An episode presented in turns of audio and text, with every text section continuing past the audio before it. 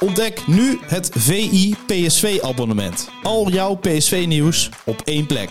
Krijg toegang tot exclusieve podcasts, tactische analyses, interviews met spelers en financiële inzichten over de club PSV voor maar 4,99 euro per maand. Ga naar vi.nl slash VIPSV en scoor nu jouw voordeel. Van die afstand, een meter of twintig, kan Willy van der Kuilen verschrikkelijk goed schieten. Schieten Willy, zo hard als ze kan. Ja, een goal, dan is hij door het net heen gegaan. Niels scoort. Van Nistelrooy. Is dit zijn tweede explosie? Dit is zijn tweede explosie en nu is het dik in orde. Madueke, Madueke. Ja! Hij kwam schieten. Oh, wat een schitterende goal. Ja, zijn begonnen. Björn heeft zijn mond vol, dus we kunnen beginnen. Ja, Ja. we zijn, eh, het experiment met de croissantjes is vorige week nog niet gestopt. Je bent doorgegaan. Ja. Het ziet er niet Door, uit, eh, doorontwikkelen. Ik, ik denk, we leggen de chocolaatjes eh, op de croissant. En dan, en dan smelt het er mooi overheen, maar dat is totaal mislukt. Dus Ja. dat gaan we niet meer doen. Dus Nee. we doen volgende week... Want als ik er zo naar kijk, dan is het meer alsof er een vleermuis eh, op heeft zitten. eh, zitten Ziet maar, er, maar het is best lekker, moet ik zeggen. ja, dus het kan wel Dus lekker zijn. pak, pak lekker. Eet smakelijk. Ja. We, we, hebben, we maken eh, seizoen 4 van Skieten Willy. Volgens mij aflevering 14 of zo, of 13 of 14.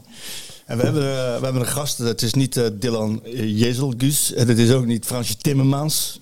En het is ook niet... eh, Geert-. Wilders. Nou ja, misschien raken we de politiek nog even aan. Maar we hebben wel een gast. En ja, ik vind het wel bijzonder. Maar, eh, ja, dat we een, een, een voetbalpodcast maken. En toch, toch zit er ja, iemand hier aan tafel. Ik weet heel weinig van je, maar dat Mooi. zal omgekeerd hetzelfde zijn. Ja. En dat vind ik dan ook wel weer leuk, want dan gaan we kijken waar dit naartoe gaat. Deze podcast is even kort uitgelegd. We meanderen wat en, en af en toe praten we over PSV en over voetbal voornamelijk. Maar dit vinden wij ook wel allebei heel erg leuk, omdat het vorige week heel even over jou ging. Ja, Robin van Beek, ja welkom. Beek, ja, dank je. Leuk, ja. Ik kreeg vorige week een, eh, een berichtje via Instagram van eh, iemand die mij volgt.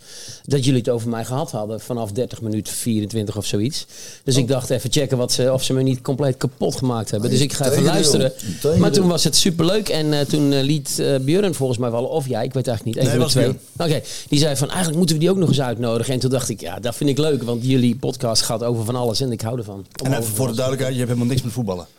Of Nou, niet veel. Niet, nee, niet. Nou, ongeveer net zoveel als Björn op dit moment. Zeg maar. dus, eh, ja, ook vroeger heel veel gevoetbald. Oh, wel, en, ja. en niet op het niveau van Björn natuurlijk. Maar ehm, wel heel geïnteresseerd ook. En toen hij voetbalde, vond ik, vond ik de Eredivisie fantastisch. Dus ik kende alle namen en hem natuurlijk ook. Ik volgde iedereen. Maar die interesse is compleet weggegaan. Dus ik volg het nu eigenlijk niet.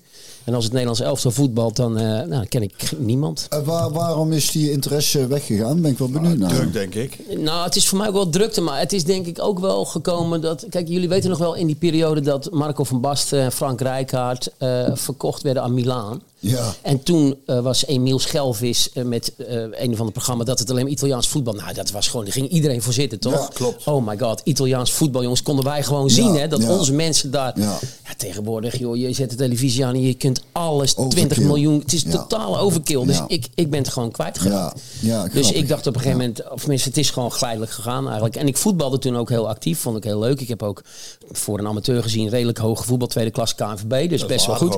Maar op een gegeven moment, ook daar moest ik drie keer in de week gaan trainen. En vo- ik dacht op een gegeven moment, joh, het lijkt wel werk, weet je wel. En toen vond ik het niet leuk meer. Dus toen dacht ik, nee. Het moet niet op werk gaan lijken. Dus Nee, de- de- nee. deze podcast lijkt ook vooral niet op werk. Nee, nee, mooi zo. Nee, nee, zeker niet. Nee, dat voelde voor mij ook zo. Dus het ik mooie denk- is, Sjoerd, hij, eh, Björn die heeft eh, voor het eerst in vier jaar een structuur bedacht. Hoe deze podcast... Björn, hoe, hoe gaan we dit indelen? Nou ja, ik, ik, ik, ik, ik denk, ik leg Robin een beetje uit hoe we dat normaal doen. Je zegt van, nou, we meestal beginnen we een beetje met het weekend door te spreken. En, dan, en, en we hebben nu dus Ja, de, de, de, hè, de kledinglijn, die, die gaat van de grond komen. Dus dat moeten we ook nog eventjes aanraken. je hebt een fantastisch ding aan. Eerlijk is eerlijk. Het is, Mooi, hè? Ja, Philips, Gewoon rood, Philips erop. rode hoodie, Philips erop zoals het hoort. Mooi kleurtje. Lekker eh, fel. Hey, maar Nou, vat de koe gelijk maar eens bij de horens. Zonder dat een koe horens heeft overigens, realiseer ik me. Een stier heeft horens, niet een koe. Ja, koe ook, koe ook, maar die zijn weggebrand. Ja, weggebrand. Ja, Oh. ja. Kijk, je moet, maar kijk wel. Goed, je- goed, goed, erbij- erbij- meteen ja. je is Ja. meteen educatief ook. Maar je, je hebt hem aan en ik, moet even zeggen dat ik eh, ongelooflijk... Een eh, ja, ik vind... Toch, mind you. Toch Ja, een ja. Esje. Geen emmetje, weet je zeker? Ik ga voor een emmertje, want ik kun een lekker dikke trui onder nog als het koud is. Heb iets meer ruimte. maar ik ben echt ongelooflijk eh, flabbergasted dat het zo snel gegaan is. We hebben dat twee, twee weken geleden aangestipt. Het mooie is inderdaad, we hadden het over, eh, even voorop en ook Ja. waar we het over hebben. We hadden het over dat, dat er een stadion zo weinig kleur, dat bijna iedereen in het zwart zit. Ja. Daar stoor ik me heel erg aan. En ze hebben laatst een actie gedaan met PSV, heel het stadion rood. Ik denk, het is toch schitterend. Daarna zit iedereen weer in het zwart. En toen Bart van den Berg, die, Berg, die stuurde mij, eh, zeg goed hè? Ja, van Bart mail- van den. Berg, ja. En, en die mailde mij en die zei, ja dat klopt Björn, maar het probleem is natuurlijk wel in de winter. Je kunt de PSV-shirt dan noemen, is koud, dus dan doet er een jas over. En die zijn meestal eh, Ja, eh, ja. eh, zwart of... En ook de kledinglijn van PSV, de Skieten, ze hebben Skieten Willy, ze hebben volgens mij van alles, is ook voornamelijk zwart. Waarom joh? PSV is toch rood-wit? Ja, maar ja, ik weet, ook- dat is dus heel opvallend. Dus toen kwam, kwam Bart op het idee van waarvoor maak je dan die sweaters en, en, en jacks in het rood? En eh, ik denk dat is godverdomme een goed idee. zeg. dus maar ik vind ook al die credits naar Bart toe wat dat Ja, betreft. en, ja, Want- jullie want, hebben er veel vaker. nou ja, goed. En, toen, en dat is het mooie. eh, toen kreeg ik een appje van een, eh, een vriend van mij, Artje Hunting. Daar heb ik vroeger mee, eh, we hebben water en Ja, ja, een ja, sap, ja, dus uit. Komt goed. Maar Artje heb ik vroeger nog in de jeugd van PSV gespeeld. En zijn vader van Art is jarenlang de stadionspeaker geweest van PSV. Dus dat, eh, en die zit dus in, die, die maakt eh, bedrijfskleding en ook voor eh, scholieren. Dus die hoorden dat weer en die dacht Die hoorde dat, die stuurt mij een appje meteen met een fotootje erbij. Dankjewel, ik heb hier crème Oh, oké. Met een fotootje erbij had hij al een ontwerpje gemaakt met SKW. SKW. Ik denk, ja, dat mogen we niet gebruiken. Volgens mij heeft Bart iemand van PSV nog benaderd. Zei, ja, we moeten vergaderen. En toen dacht ik, nou weet je, als we nou eens een actie van maken van supporters voor supporters of door supporters voor supporters. Met een goed doel eraan. Een goed doel aan koppelen is altijd, het moet zo sympathiek mogelijk zijn en het is vooral geen winstbejag. Dus ik vind het moet zo betaalbaar mogelijk zijn. Eh Artie heeft al zitten kijken van, oké, wat zijn wat, eh, wat qua kosten. Ehm, als we minimaal 500 pre-orders hebben, dan kunnen we het in productie gaan nemen. Eh, dan je betaalt natuurlijk voor de sweater of de jas die, die je bestelt. Dan kan hij misschien nog iets van de prijs afpraten praten als je bij, eh, hè, bij meerdere bestellingen. Hij doet de bedrukkingen, dus hij heeft een klein beetje marge voor zichzelf. Voor, of voor onkosten, omdat het natuurlijk zijn werk is. En als hij dadelijk wellicht een paar duizend van die trui moet bedrukken en eh, in moet pakken, dat kost hem veel tijd. Dus dat, daar heeft hij een, een kleine marge in, eh, in berekend. Maar die berekening heb ik gezien, zag er over keurig netjes uit. Ja, en daar, en daar willen we ook heel open in zijn. Dus voor Bart en mij, wij verdienen er sowieso helemaal niks aan. Niks. Nee. Eh, voor Art is het, hij heeft die marge berekend dat hij in ieder geval geen verlies leidt. Mhm. Blijkt nou dadelijk onderaan de streep dat hij dus uit zijn kosten is en 2000 euro overhoudt. Dan gaat die 2000 euro alsnog naar het goede doel. Ja, maar waarom vind jij het vervelend dat iedereen in het zwart zit? Nou ja, omdat ik vind PSV is rood-wit. En ik vind daar veel meer uitstralen. En daarnaast, dat is, dat is ook het- ik vind het mes aan, niet als een mes vierkant kon snijden, snijdt een vierkant. Want je komt dus aan een goed doel. Daarnaast, PS, dus het, het, het, Het stadion... geldt aan goed doel. Ja, Ja, mooi. het, Ja, ja. het, het stadion kleurt, eh, eh, kleurt weer rood. De spelers op het veld, die vinden dat... Ik, denk, nou ja, het, eh, eh, ja, ja, ik, ik, ik erger me eraan als, er- als, een, als een supporters in beeld worden genomen. Ik kan niet, niet kan zien of dat nou die van ons of van de tegenstander zijn. Het zien er allemaal hetzelfde uit. En daar Ja. komt het ook een beetje vandaan. Je hebt bij bijna elke club heb je wel een klein groepje randdraaiers. Ja.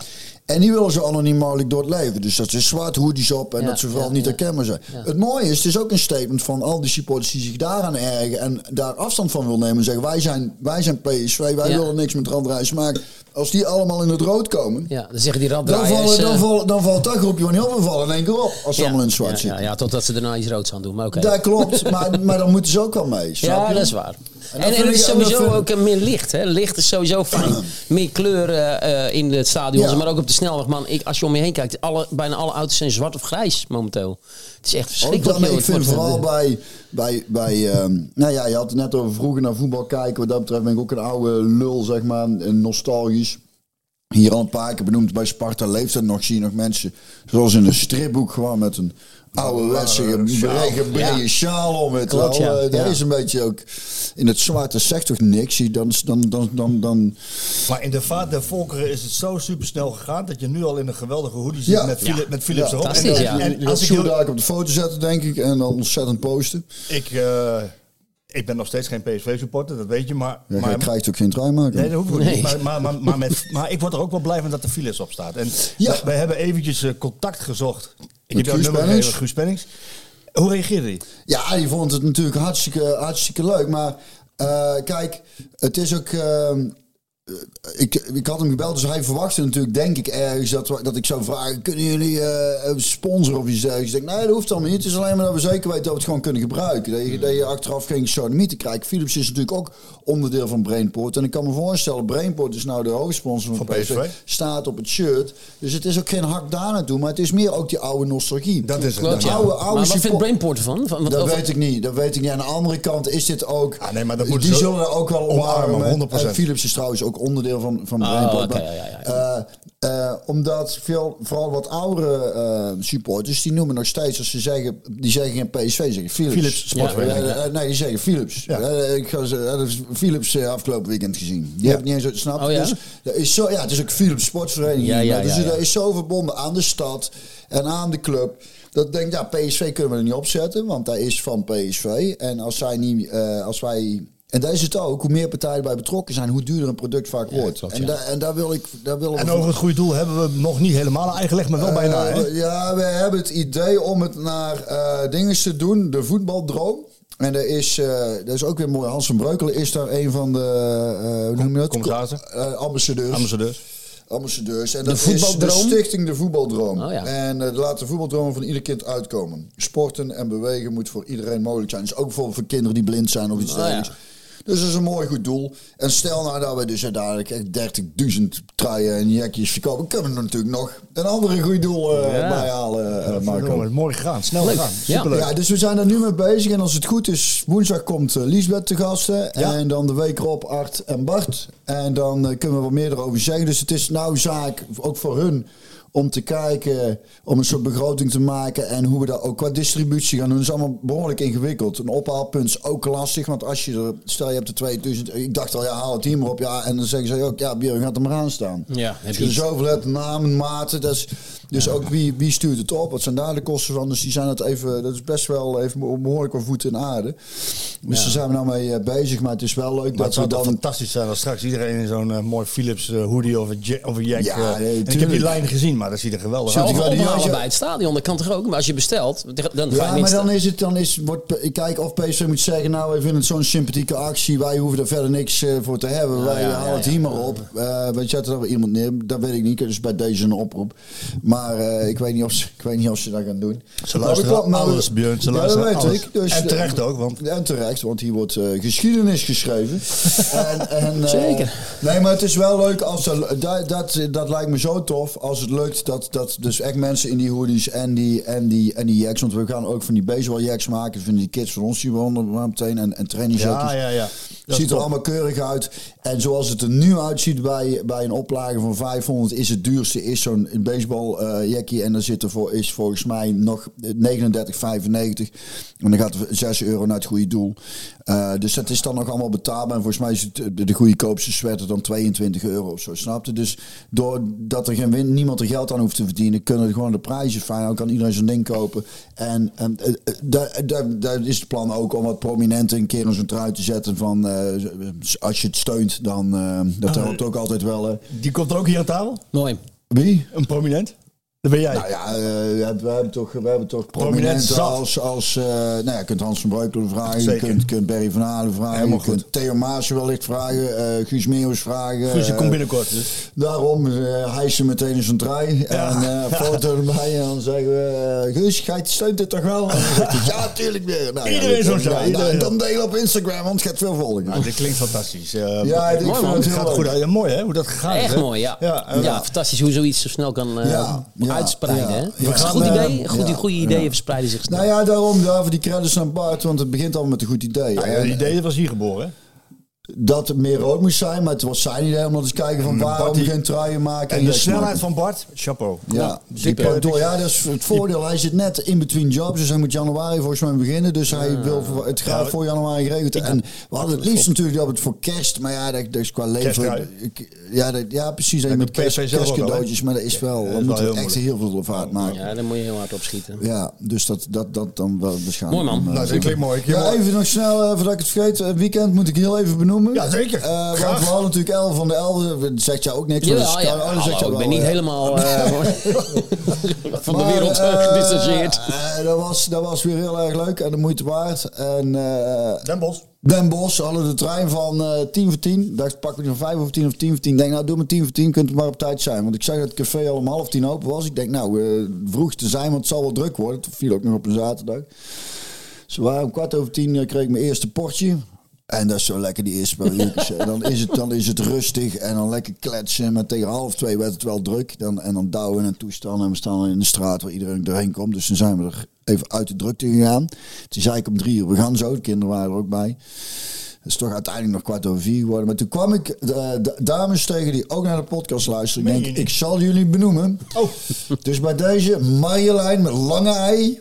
En Jolien met korte i. En Björn met een heel lange o. Dat soort flauwekul hebben dan bij deze zijn ze genoemd. wat leuk zeg. Ja, dat wil ik nog even zeggen. lachen? Fans van de podcast. Ja, dat van de podcast, dat toch- ja. ik, vind Ja, dat- wel. ik, ja, ik blijf dat toch bijzonder vinden. Dat er dus mensen kennelijk ook dus... Ja, vrouw, ja, zijn PSV-supporters misschien. Of dat niet Ik eens. weet het niet. Nou ja, het grappige is, ik ben ze vorig jaar met carnavals afgelopen jaar zijn ze ook al tegen. En dat vind ik zo leuk, want we stonden dan wat rustiger, maar dan komen nog wel mensen bij. En dan staan er dus weer met die vrouwtjes een beetje te flauwekul. En dat is, dat vind, heel veel mensen denken van alles over carnaval, maar dat is eigenlijk het leukste eraan. Vroeg Ja. beginnen, Lekker leuke, mensen tegenkomen, lekker een beetje flauwekullen. En nu gaat het gewoon door, toch? Voor jullie. Eh, Vanaf nu is het gewoon eigenlijk jullie weekend wel in de richting van carnaval. Nee, juist voor, voor de prinsen en zo. Ja, en oh ja. eh, daar moet, je, moet ik niet aan denken. Prins ik moet de wel Eerste. trouwens zeggen bij deze ook. Ik, eh, dat is misschien ook wel een goede reclame. Ik ga die, die voorstelling, de Ziel van Carnaval, die wij gedaan hebben op de parade, die ga ik met Mike Weerts nou spelen. Ja, moet maar even op mijn site kijken. Op verschillende locaties. De Ziel van Carnaval, een masterclass. Dus via 11 punten leren we mensen hoe ze carnaval moeten vieren. En, want iedereen denkt dat dat makkelijk is, maar nee, het is helemaal hartstikke moeilijk. Het is, erg Het is een hè. vak. Het is echt een Het is een Je houdt je biertje zo vast en Ja. niet zo. Nou je ja, giet hem zo in je keel nee, en niet dat zo. niet, maar je moet, de- ik zal er één verklappen qua iedereen denkt gewoon, eh, hè, dat is het eerste punt waar iedereen aan denkt met carnaval is natuurlijk zuipen. Ja. Precies, ja. Nou ja, kijk, daar, maar daar, is, daar gaat dus eigenlijk al mis. Je moet dus vooral zorgen dat je niet te veel zuipt. Ook niet te weinig natuurlijk. dus dat komt allemaal heel nauw. Ja, maar ik als artiest heb veel opgetreden in- op de carnaval. Oh, werd, ja? werd ik uitgenodigd. En ik deed eh, in een bepaalde periode deed ik eh, half uurtje Robbie Williams act. Dus dan had ik zo'n eh lookalike act Robbie Williams Let met me twee entertain you. Ja, precies. En dan een half uurtje tent op zijn kop. Maar carnaval, eh, dat was voor mij niet de plek om. Nee, dat was voor mij niet de leukste agenda. Nee, dat moet je niet doen. Want dan kom je zeg maar om 11 uur s'avonds Ja, dan ze binnenlopen. al, eh, en, dan is, en ze zitten al vanaf kwart over tien aan de poort. Verschrikkelijk. Ja, dan ben je kansloos natuurlijk. Dus ja, het is echt Ja, voor, die- dat- voor, voor mij was het nog te doen, maar voor die meiden, die danseressen van mij, dat was gewoon eigenlijk niet te doen. Nee, dan moet je echt, je moet met carnaval, eh, eh, nee, en zeker op dat soort plekken dan, van die feesttenten en zo, dat is, dat is verschrikkelijk. Even iets anders, kon je zeggen, Robbie Williams, heb je die docu gezien al? Ja, ja, ik ben nu in. eh, Nee, ik heb net eh, gisteravond de laatste gekeken. Ja, zo, ik was wel impressed, ja. Ja, ik vond... wat kun je verkijken op iemand, hè? Nou, Goh. Ik dacht, die jongen die heeft het. eh, tenminste, je weet altijd. Kijk, ik weet natuurlijk ook als eh, manager van André dat. dat trouwens, dat weten ze mensen nog helemaal niet. Wat ik doe, toch? Of wel? Nee, maar Oh, jullie, nee, jullie- ja. ik, ik zit hier lekker te, lekker te ja, luisteren. ja, sorry, dan komen ze zo, het zo, dan komen ze zo langzaam achter. Oké, dat gaan we niet vertellen. Nee, we hebben-. Ja, komt, we, hebben wel de vorige podcast aangestipt waarin het over jou ging. Maar het ging inderdaad over eh, dat je de coach bent van André, van ja, ja. En dat Björn daar zo naar gekeken had. Ook wel met bewondering. Zo van, ja, weet je, hoe gaat het eigenlijk met jou? Hoe is het met jou? In plaats van dat je alleen maar op dat zingen zit. En, precies. ja. Ja. en daarom zit je hier ook. Omdat we het ook natuurlijk de bijna... Het is niet één op één op voetballers te plakken. Maar misschien ook wel een beetje. Nou ja, zeker wel. Maar Ik denk dat het coaching ook- wel. Ja, maar ga nog gaan doen met je verhaal. want- Over Robin Williams, Robbie Ja. Williams, want dat is interessant. Ik, dus ga verder met, dat verhaal. Nou, nou kijk, ik, wat ik eh, interessant aan Robbie... Kijk, ik weet inmiddels wel dat alle ah, succesvolle artiesten... die, die hebben altijd... eh, het, wat je ziet is niet Ja. wat het is. Eh, ik zeg altijd, iedereen wil beroemd worden, maar niemand wil het zijn. Ja. Weet je wel? En dat zie je ook weer terug in zo'n documentaire over Robbie. Maar ik heb ook de documentaire van Sylvester Stallone gezien, Ja. Sly. En ik heb ook de documentaire van Arnold Schwarzenegger gezien. Ja. En je ziet eigenlijk bij allemaal hetzelfde verhaal. Ze willen allemaal roem. Maar als het er eenmaal is, denken ze, wat de hel moet ik er eigenlijk mee doen? Ja. Weet je wel? En dat is ook waar Robbie heel erg tegenaan liep. En dan ga je dus rare dingen doen. Want, want ik zei op een gegeven moment gisteren tegen mijn vrouw ook, Linda, ik zeg, wanneer, is, wanneer kun je zeggen, oh ja, nu is het goede roem?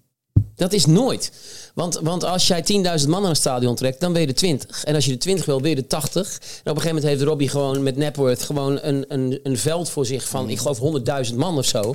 En, en zelfs dat is niet voldoende, want hij gaat naar zijn hotelkamer en het is nog steeds leeg van binnen.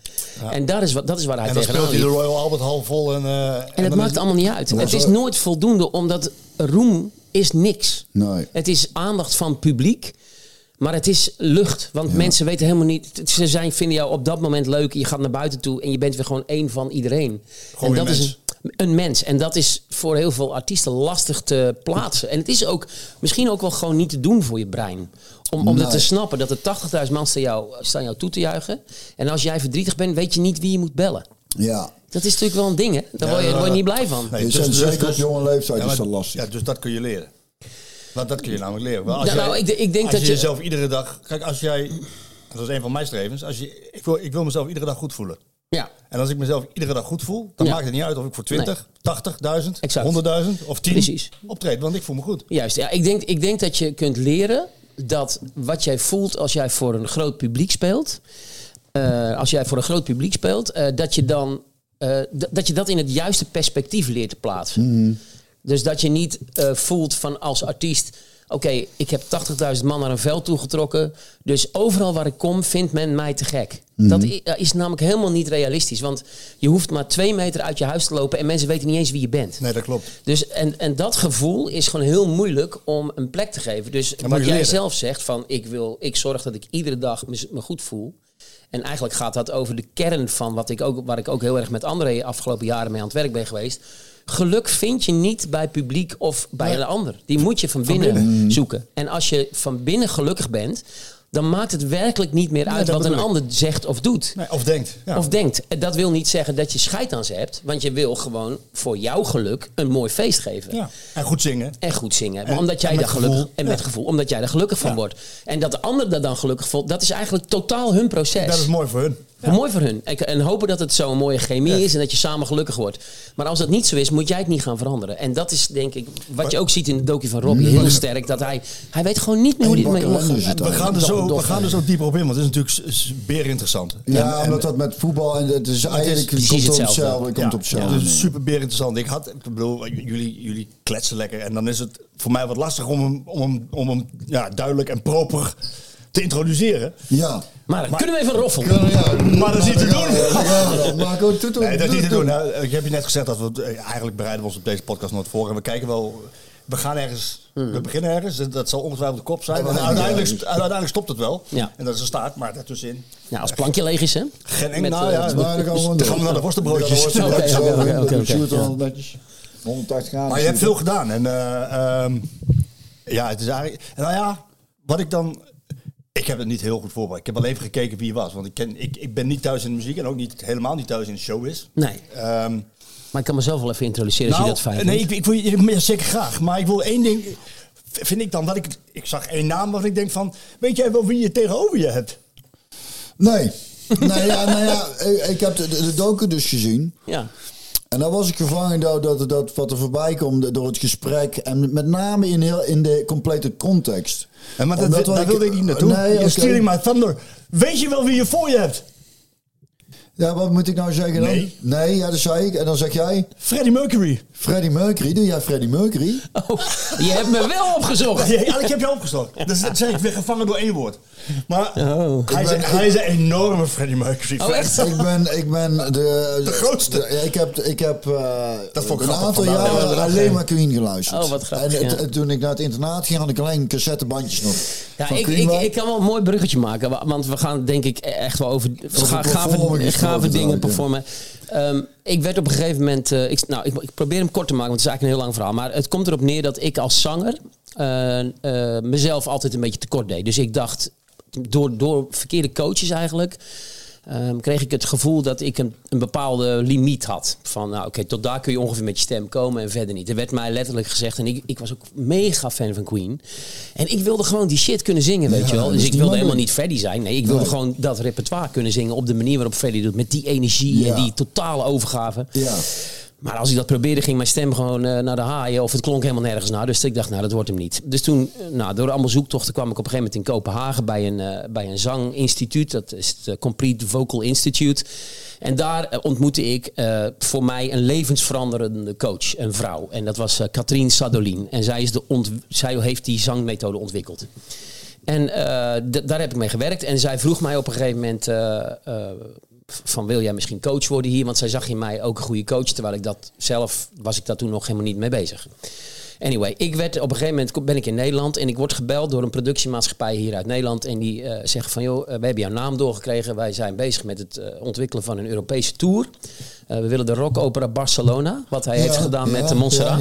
ja, die willen we graag weer op het podium brengen. En dat doen we in samenwerking met de Queen Foundation. Dus met Brian May, Roger Taylor. En, en jij, we willen jou vragen voor Freddy.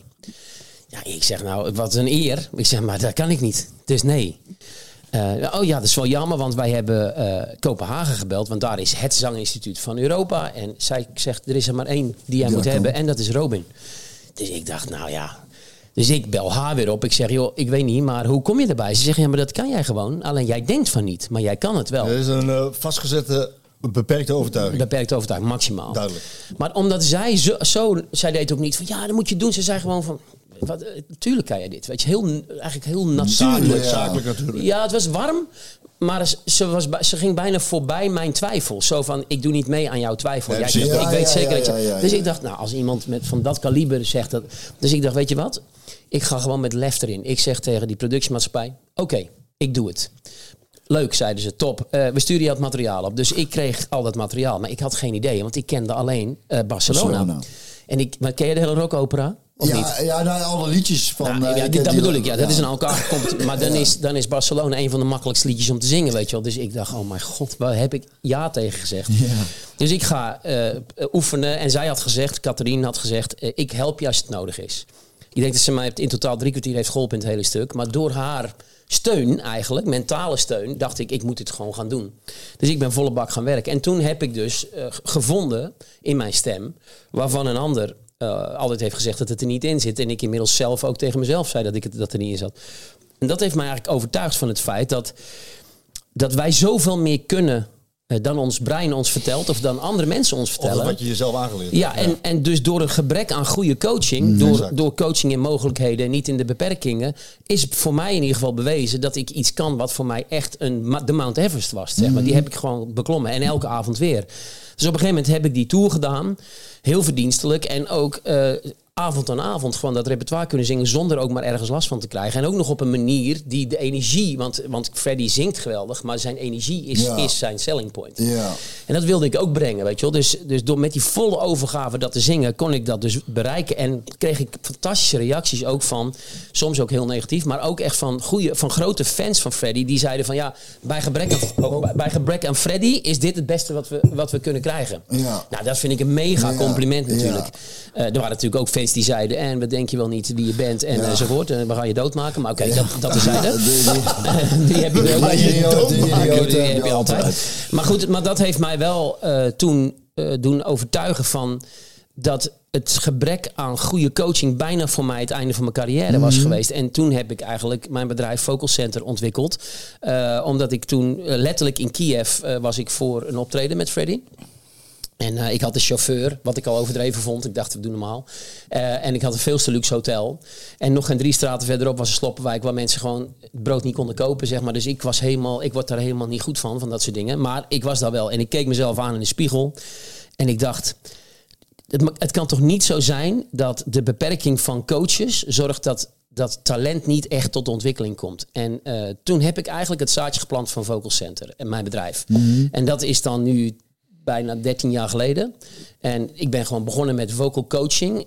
Vanuit mijn overtuiging dat het vanuit mogelijkheden moet en niet vanuit beperkingen. Mhm. Dat had enorm succes, want in Nederland blijkbaar gebeurde dat helemaal niet op het Alles hoogste niveau. techniek dan, denk ik, of niet? Ja, ja, en vanuit eerst kapot maken en Mhm. dan weer opbouwen. Daar snap ik sowieso helemaal niks van. Nee, heb ik ook wel eens voorbij horen komen. In de acteerwereld doen ze Ja, het kennelijk ja, ook. ja Dat de is- danswereld ook. Je moet eerst iemand helemaal afkraken om ze weer op te kunnen bouwen. Nou, ik zie totaal het nut er niet van, Nee. dus dat doe ik niet. Nee. En dat had zo'n succes dat ik al heel snel veel te druk was. En toen ben ik gaan groeien. Toen heb ik andere coaches getraind om op mijn, in mijn denkwijze te komen over mogelijkheden, niet in beperkingen. En zo is het bedrijf uitgegroeid tot twee jaar geleden 34 mensen. Die, die dan zeg maar volgens mij methode en, en Mhm. eh, didactiek eh, coachen.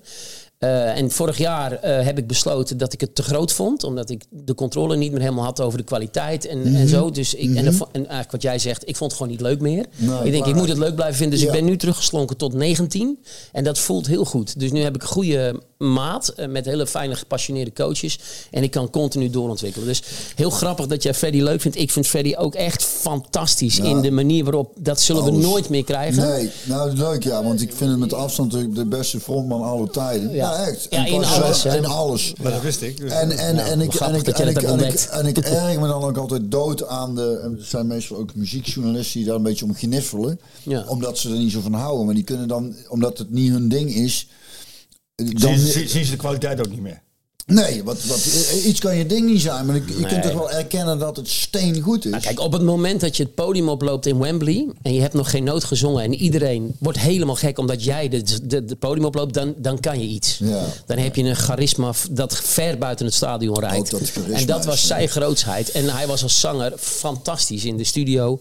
Eh, op Ja. het podium vond ik hem in zijn jonge jaren ook heel goed. Maar als je goed luistert naar bijvoorbeeld Wembley, dan hoor je wel dat hij in de studio ook wel dingen heeft gezongen die hij live niet avond aan avond kon waarmaken. Omdat het gewoon te hoog en te heftig was. Kijk, dit soort gasten zoeken in de studio echt de grens op van wat überhaupt kan met je stem. En ik hou ervan. Hè? Maar dan is het heel logisch dat je op het podium even een andere route kiest. Het is een beetje zoals sprinten. Je kunt eh, één Ja. keer volle bak sprinten, maar als je weet dat je twee keer drie kwartier op het veld staat, dan kun je niet de eerste keer volle volle bak gaan, want dan ben je klaar. Snap je? Dus je moet het verdelen en dat is eigenlijk voor een zanger ook zo. Dus eh, ik vind Freddy qua, ja, qua charisma, stem. er is niemand die ooit meer in de buurt komt vanwege het tijdsbeeld ook, maar ook vanwege de man die die was en de briljantie van zijn composities. Ja, eh, dus eh, ja, het was een eer om hem te mogen Ja. vertolken. Ik heb nooit hem nagedaan. Ik ben niet in zijn pakjes gegaan. Of Nee, nee, nee. gewoon alleen maar de, de nummers gedaan. Zo goed als ik kon. En ik heb wel geprobeerd zijn sound en zijn energie te benaderen. Dat is best goed gelukt. En, eh, eh, dus dat was een eer om dat te doen. Eh, ja, dat. Dus vandaar Ja. dat, dat, dat jij het hebt gevonden. Wat grappig. Nou, nou ja, ik vond het leuk omdat ik weet van Björn dat hij dat een enorme fan is van Freddie Mercury. Ik dacht van dat, dat is misschien een leuke manier om je een klein beetje, want je hebt bizar veel gedaan. Ja. En ehm, ehm, een van de, daar komen we zeker nog op, want gedurende zo'n gesprek komt, eh, pak je altijd zelf dingen uit wat je gedaan hebt. Mhm. Ehm, maar een van de dingen waarom we reden waarom je nu ook hier zit, is, is dat coaching. Ja. En, en met name ook hoe je dat met, eh met André. André. Ik ken, ik ken alleen André Hazes. Ja, de oude. André Haas. Ja. En, en, en meneer Junior, die, die, Meneer Junior. die zegt mij niet zoveel. Nee, nee. Dit, is niet, dit is niet die ik ken of wat ik Nee, volg. nee, wat- snap ik ook. Ja, en, en, en dan, en dan, eh, dat, ja, ja, dan is hij in de publiciteit. Maar ik weet dat niet. Nee. Maar er is een documentaire. Ja, ja, ja, er is uh, En zag Björn, Crossroads. Crossroads en, en Björn zag daarin. Ja, mijn meisje en ik wilden die al, eh, al langer zien, maar die kwam op Videoland, dus daar hadden we niet. En daar hebben we, is twee weken geleden, toen hebben we het zitten kijken met een bol erbij. Is altijd lekker kijken. En ehm, nou ja, kijk wat ik bij zo'n jongen dan denk, hè, dat, dat, eh, en hij zal zelf ook eh, vaak genoeg eh, zijn fout hebben, maar, maar heel zijn geschiedenis natuurlijk als kind van, van zo'n beroemde vader, die toch een, een behoorlijke verslaving had zijn vader. Waar hij zelf dan, want volgens mij zegt hij niet ook ook dat hij eigenlijk helemaal geen zanger wilde worden in eerste instantie. Dus, en waar ik me over verbazen was, of eigenlijk niet over verbazen was, dan ziet eigenlijk ook bij Robbie Williams. Bij Robbie Williams zag je trouwens in heel die docu ook, zijn ouders komen helemaal niet voorbij Nee. in heel die docu. Wat ik heel raar vind. Klopt, en veelzeggend. Dus jongen, en wat je bij eh eh, eh, André Hazes junior ook ziet is, wat me vooral opviel, en daar, daar had ik het vorige week over, dat in die studio, op het moment dat hij twee jaar niet gezongen heeft door corona, veel getraind heeft, heel onzeker is. En eh, ze ook twee jaar niet ge- eh, gezongen heeft. Dus dat in die studio, op de- dat zij aan het repeteren zijn, eigenlijk niemand hem echt helpt. ondanks, iedereen hoort ook wel van dat het niet goed is. Maar er werd een beetje lacherig om gedaan ook. Omdat hij, hij zat een beetje, je ziet aan zijn houding. En van ja, volgens mij ging het best goed. En ziet mensen wat in de lach, denk ik. Niemand helpt hem nou echt. En toen kwam hij bij jou. En dat vond ik er zo mooi aan. Dat alles wordt even overboord gegooid. Van ja, je zegt wat over zijn lijf, veel getraind. Je houdt daar wel rekening mee. Oké, wat doet iets met je stem en dat zingt. Maar gaan we het allemaal zo wel over. Eerst even zitten, hoe is het met jou? Ja. En dat vond ik er heel erg mooi aan. En eh, ik denk vooral bij zo'n jongen dan dat, dat, een- dat daar over het algemeen een gebrek aan is. En er komen natuurlijk heel veel mensen op af die, eh, die denken, nou scheld dus eigenlijk letterlijk wat die ene songwriter zegt. Van ja, ik, eh, hij zou wel moeten, want ik wil daar ook een keer met pensioen. Ja. Dat is een hele andere manier aan. Dan zegt, ga eens even zitten jongen en, hoe, en vertel eens even hoe het met jou Ja, is. ja, ja. Ondanks dat, dat jij ook wel bij, voor hem werkt. Hè? Mm. En Dus dat levert je ook wel geld. Maar, maar de benadering is... ehm, er wordt vooral, jij kijkt dan vooral naar, naar, naar de persoon en de mens en het verhaal erachter. Nou, kijk, weet je wat het is? Het gaat om, het gaat om eigenlijk wat jij net zegt, beperkende overtuigingen. Kijk, die, die worden gemaakt in je jeugd. Op het moment dat jij op, in een bepaalde omgeving opgroeit, en dat kan soms met je ouders zijn, maar het kan ook met de trainer van jouw voetbalelftal zijn, of, of whatever, of je, je jeugdleider van, van je club. Maakt niet uit. Any- je anybody. niet, dit- dit- dat- Iemand die jou beperkt op een manier, op een timing, dat het voor jou als kind een enorme impact heeft. terwijl degene die het doet het misschien niet eens doorheeft. Nee, dat dat kan het wel traumatisch iets zijn. Ja. dat, dat kan in je, ge- in je ziel gegrift worden en dat wordt een beperkende overtuiging. Dat hou je vast. Eh, be- ja, en, en kijk, wat wij, kijk ik, ga het, ik ben niet erbij geweest in zijn jeugd. Ik heb wel verhalen gehoord en die, mag hij lekker zelf vertellen. Maar Ja, wat ik wel precies. weet, en dat kunnen wij allemaal gewoon ook als logisch me- denkende mensen eh, eh, bedenken. Dat het niet bepaald leuk is als jij een klein jochje bent en je vader heeft een alcoholverslaving. Ja, dat precies. is gewoon een probleem. Ja. En jouw vader heeft altijd enorme stress Ja. over zijn stem. Dus er is nooit rust, in, de, in de tent. Juist. Dat doet iets met een kind. Hoe je het ook bent of verkeerd. En of het nou André is of Pietje of Klaatje. Dat maakt niet uit. Dat, dat doet iets. En dat is dus wat hij in zijn blauwdruk heeft gegrift Exact. gekregen. Die angsten heeft hij gevoeld. Eh, die eh, onveiligheid heeft hij gevoeld. Dat kun je niet ontkennen. Nou, dat moet, je neemt hij eigenlijk, moet je eigenlijk opruimen dan, hè? dat neemt hij mee in zijn hele leven. Natuurlijk moet hij dat opruimen. Dat neemt hij mee in zijn hele leven. Kijk, en ik ben een type mens wat als iemand bepaald gedrag vertoont, niet veroordeelt, maar gaat nadenken waarom. Ja, waar komt Waar komt het vandaan Ja, en hoe want- kunnen we er wat aan doen? Precies, Ja. want een beperkende overtuiging is een ding, maar mensen doen ook alles met een positieve intentie. Dus de reden waarom iemand bijvoorbeeld drinkt of drugs gebruikt of mensen benadeelt, is waarschijnlijk omdat dat hij denkt of zij denkt dat het daarna beter wordt. Er is een reden om dat te doen. Mensen drinken om te vergeten. Ja. Mensen gebruiken drugs om hun hoofd stil te zetten. Ja. Mensen vluchten omdat Ja. ze ergens niet willen zijn. Dat is basically hoe het in het menselijk brein werkt. Dus toen ik André ontmoette, zo'n 7, 8 jaar geleden, toen was het eigenlijk nog prima. Maar gedurende die periode dat ik af en toe eens met hem vocal coachte, merkte ik dat het de verkeerde kant op ging. En dat de mensen om hem heen, die allemaal hun best deden, maar ook soms financieel afhankelijk van hem waren, dus ook niet altijd voor hem konden, konden of wilden kiezen. eh, ik zag gewoon dat dat de verkeerde kant op ging. Dus ik heb in die periode heel veel diepe gesprekken met André gevoerd over hoe zit dat nou met die, met die binnenste cirkel van jou? Wie zijn dat eigenlijk? Wie zijn de mensen van waar jij durft te zeggen, die, die vertrouw ik blind? Ja. En als jij zo jong het podium opgetrapt wordt en iedereen ziet, daar komen zo meteen de miljoenen op binnen, dan kun je feitelijk, precies wat Robbie ook zegt, niemand meer vertrouwen. Ja. Dus het moeilijke aan jong bekend worden is dat je geen tijd hebt om te zien wie wat waard is. Iets op de juiste waarde schatten is moeilijk op het moment dat je jong bent. Dat kun je pas doen als je wat ouder bent en tegen de muur aan bent gelopen hier en daar. Alleen, dit soort mensen lopen tegen de muur aan eh, onder het oog van heel Nederland. Ja. En dus kun je het ook Vergrootglas erop. 100% vergrootglas. Exact. En, en omdat wij, nou ja, ik vind het zo interessant ook omdat jij zegt over dat zwart in het stadion. Kijk, weet je wat het grote probleem van de maatschappij in het algemeen is? Wij focussen ons op het donker en niet op het licht. Als ik jou een wit blaadje laat zien met een zwarte stip, dan zeg je tegen mij: ik zie een zwarte stip. Maar ik zie een wit blaadje. Ik kijk veel liever naar al dat wit en denk, oh, dat zwarte stipje hebben we zo weggepoetst. In plaats van dat heel de Nederland over dat ene zwarte stipje gaat praten. Mooi voorbeeld, eh, want ik, ik ga verder, weet je wel, het heeft niet zoveel zin om dat allemaal weer op te raken. Maar je ziet het allemaal in docu. Maar mooi voorbeeld is, André zet een kleine drie weken geleden een post op Instagram van zichzelf, filmt hij. En hij was net ergens geweest, had hij zijn wenkbrauwen, weet ik van wat hij had laten doen. Hij heeft altijd van die dingen. En had hij zo'n dingetje, zo'n Ja, zo'n zo'n groef die in streepje. oh ja, zo'n streepje, dat heeft een naam. Ik ben er allemaal niet mee bezig. Whatever. voetballers hebben dat ook, sommigen. Oké, Nou, die vinden dat dan cool. Nou, ik vind het allemaal best, weet je wel. Doe, vooral je ding. En, en hij zet dus op die podcast, zegt hij... eh, jongens, ik wil even mededelen. In 3,5 week tijd hebben wij bijna 3 miljoen streams op mijn nieuwe album. Met nieuwe muziek, wat niets met de muziek van mijn vader te maken heeft. Het is eigenlijk pop-rock in het Nederlands. Ongelooflijk, 3 miljoen streams in zo weinig tijd. Ik ben zo blij, dankjewel.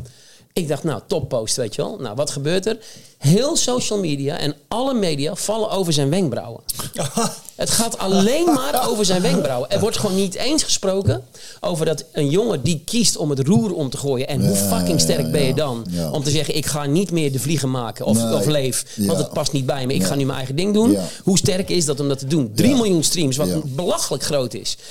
En wat doen ze? ze? Ze negeren volledig het positieve nieuws. En ze gaan alleen maar zeiken over dat ze zijn wenkbrauwen niet mooi vindt. Ja. Nou, als dat de keuze wordt, dan zitten we allemaal in het zwart in het stadion. Ja, nou ja, het is grappig dat je zei, want daar hebben we het natuurlijk ook over Ja, gehad. vaak En ook over het over voetbal hebben, dat ik ook erger aan dat er vaak gezien wordt dat spelers niet kunnen in plaats van wat ze wel kunnen. Daar hebben we een paar voorbeelden van gehad. En dan weten jullie zeker ook als, als, als onderdeel van de pers, daar hebben we het ook wel zo gehad. Welke kop zet je boven een stukje? Hè? Ja. En daarin zeggen jullie ook van, ja, toch is het vaak wel, eh, eh, trekt het ook wel publiek, of eh, dan noemen jullie het ook weer... eh, Nee, natuurlijk is het zo. eh, law of attraction is, is gewoon negativiteit, eh, Het is niet hits, maar wat is het dat je... Nee, nou, Kliks. Kliks. De, de click rates. Ja, nee, dat klopt. Maar het, het interessante is, kijk, ik zit ook op socials, toch? Als ik zeg, eh, oh, ik heb vandaag een fantastische weekend gehad. eh, lekker, nieuws is geen nieuws, heb ik al Lekker gespeeld. Ja, precies. Dus nou krijg ik, eh, weet ik veel, laten we zeggen 200 likes of zo. Nou, prima. Ik, het interesseert me sowieso geruk, maar oké.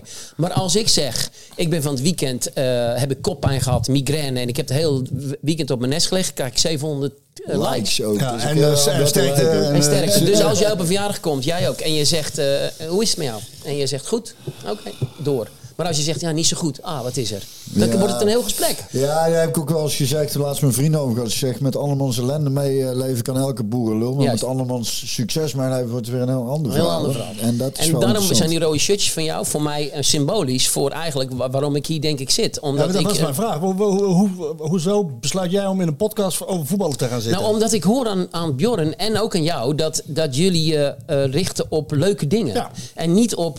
Want het is namelijk heel makkelijk om gaan zitten zeiken Ja, hier. Maar, maar ik, ik hou er niet van, hij houdt er niet van, jij houdt er niet van. Dus we gaan het niet doen. eh, Nee, maar het, het enige is wel, en dat is, dat is dan soms een beetje het, schuurpapier tussen Björn en mij in, is dat, dat, dat ik ben de journalist Ja. van Voetbal International. Onafhankelijk kritisch. Triple A ook nog eens. Ja. Mind you. Doe maar. Doe maar, jongen. Waarbij journalistieke principes gelden. Ja. En ik zal Voetbal International altijd met hand en, te hand en te zwaard, hoe heet het? Hand en tand. Hand en tand. Verdedigen. Hand en tand verdedigen, altijd. Ja. Omdat wij, omdat wij eh, staan voor kwaliteit, vind ik. En ik werk er al eh, bijna, ik werk er langer dan 23 jaar. Oh, wauw.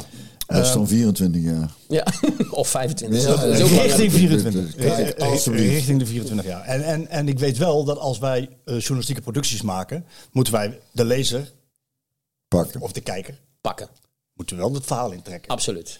En ehm, ja, dat doe je op de best mogelijke manier zonder te heigerig te worden. Ja. En als dat dan een keer gebeurt, nou, dan ben ik er ook wel scherp om te zeggen, van, hey, dat kan wel eens een tandje minder. Want dan hoef- we moeten niet heigerig worden. Nee. We moeten wel proberen, maar ik moet wel proberen die mensen erin te krijgen. Ja. En dat schuurt af en toe een klein beetje. Want ik Ja. Moet wel eens bij, als het over PSV gaat. En geloof me, lieve luisteraar, we gaan het ook nog over PSV hebben. Ja. Ja, Dan moet ik soms ook wel eens de negatieve kwaliteiten van iemand benoemen wat hij nog niet Ja, maar- heeft. Want maar Dat is, kijk, dat is, wat- dat is wat dat is Nee, maar, wat dat ik is moet ook, doen. nee, maar daar heb ik ook niks tegen. Natuurlijk moet jij gewoon kritisch kijken naar wat er gebeurt. En als er iets negatiefs of als je iets hebt wat tot, tot verbetering, dan moet je het zeker noemen. Absoluut, 100%. Maar nu zit, zit ik in ieder geval als, eh, ik ben inmiddels een creatief manager bij André. En ik, heb dus, ik zit dus in zijn management, dus we hebben het veel over deze dingen. Maar wij zitten nu in een hoek waarbij het gewoon echt niet uitmaakt wat je doet. Het wordt sowieso negatief in het Ja, nieuws gezet. ja, en daar gaat het mis. En dan is het de vraag, hoe ga je het draaien? Want je gaat die, Juist, want je, want je gaat die hele wereld niet veranderen. Nee, nee. En dus Ja. dat is exact waar wij nu mee bezig zijn. Je kunt niet zeggen, oké jongens, doe niet meer, want dat werkt niet. Je zult zelf continu het licht uit moeten blijven stralen. En dat doen wij de hele tijd. Maar het blijft zo dat mensen het belangrijk vinden om ziet. Hazes in de kop te kunnen zetten. Want dan krijg je clickrate. Ja. En of het nou leuk of niet is, of, of, of het stuk überhaupt over hem gaat, maakt allemaal niet uit. Er wordt gewoon André Hazes in de kop gezet. We hebben laatst nog, ik heb een hele Ja. discussie gehad met Telegraaf over een, over een, over een, eh, een eh, kolom, een columnist. Ja. Die had geplaatst, eh, de kop was... Documentaire André Hazes, witwas, witwaspraktijk van een getatoeëerde nietsnut. Dat was de kop van het stuk. Nou, nee, maar ik ben dus wel iemand die denkt, oké, ik ben benieuwd. Ik ga eens even lezen, ja, waarom zegt iemand dit? ja. Dat stuk ging voor 80% over vriendje Roelvink, die ook in een rehab heeft gezeten en een, een fallback heeft gehad. Het gaat niet over André, jongens. Waarom staat dan zijn naam in de Ja, kop? ja, ik weet ja. waarom. Ja, natuurlijk. Want mensen gaan klikken. Ja. Maar het is wel André zijn naam die door de slijk gaat. ja. En ik, ik vind, kijk, dat is dus journalistieke integriteit, dat, dat stopt daar voor mij. Want dat gaat niet meer over dat André een getatoeëerde niksnut is. Ja. Het gaat namelijk niet over hem. Nee. het gaat niet, dit stuk gaat niet Dat is over hem. ver. Dat gaat Dat vind ik te ver gaan. En nogmaals, ik wil zeker niet zeggen dat je niet kritisch mag zijn. Want dat is namelijk journalistiek. Ik vind juist goed dat ze dat doen. Doet André iets verkeerd, zet het in de krant. Maar, Maar doet hij het niet verkeerd en willen jullie het heel graag, ga je het toch in de krant zetten, dan ben je gewoon aan het liegen. Maar ja, ook dat. En, en dit, is, dit heeft eigenlijk niet zoveel met journalistiek meer te maken. hè. Dit is gewoon verhalen sling- slingeren. En, en, en dat is het ook qua kritisch zijn, vind ik. Het is, eh, ik ben, dit heb ik toch ook wel eens gehad. Dat iemand zei dat ik kritiekloos was, was een, was een verwijt. Ik denk, nou, dat is het grootste compliment wat je kunt krijgen om kritiekloos te zijn. Ik vind Ja. het helemaal niet erg om kritiekloos te zijn. Ik vind het ook heel prettig om inderdaad alles wat dat betreft positief te benaderen. Of wel te zien wat mensen goed doen. Ja. En je mag ook wel kritisch zijn, zeker. En, en, en, en, maar dat is ook leuk, want anders wordt het ook wel heel eh, zoutloos als er, als er nooit eens een keer iets van kritiek Tuurlijk. is.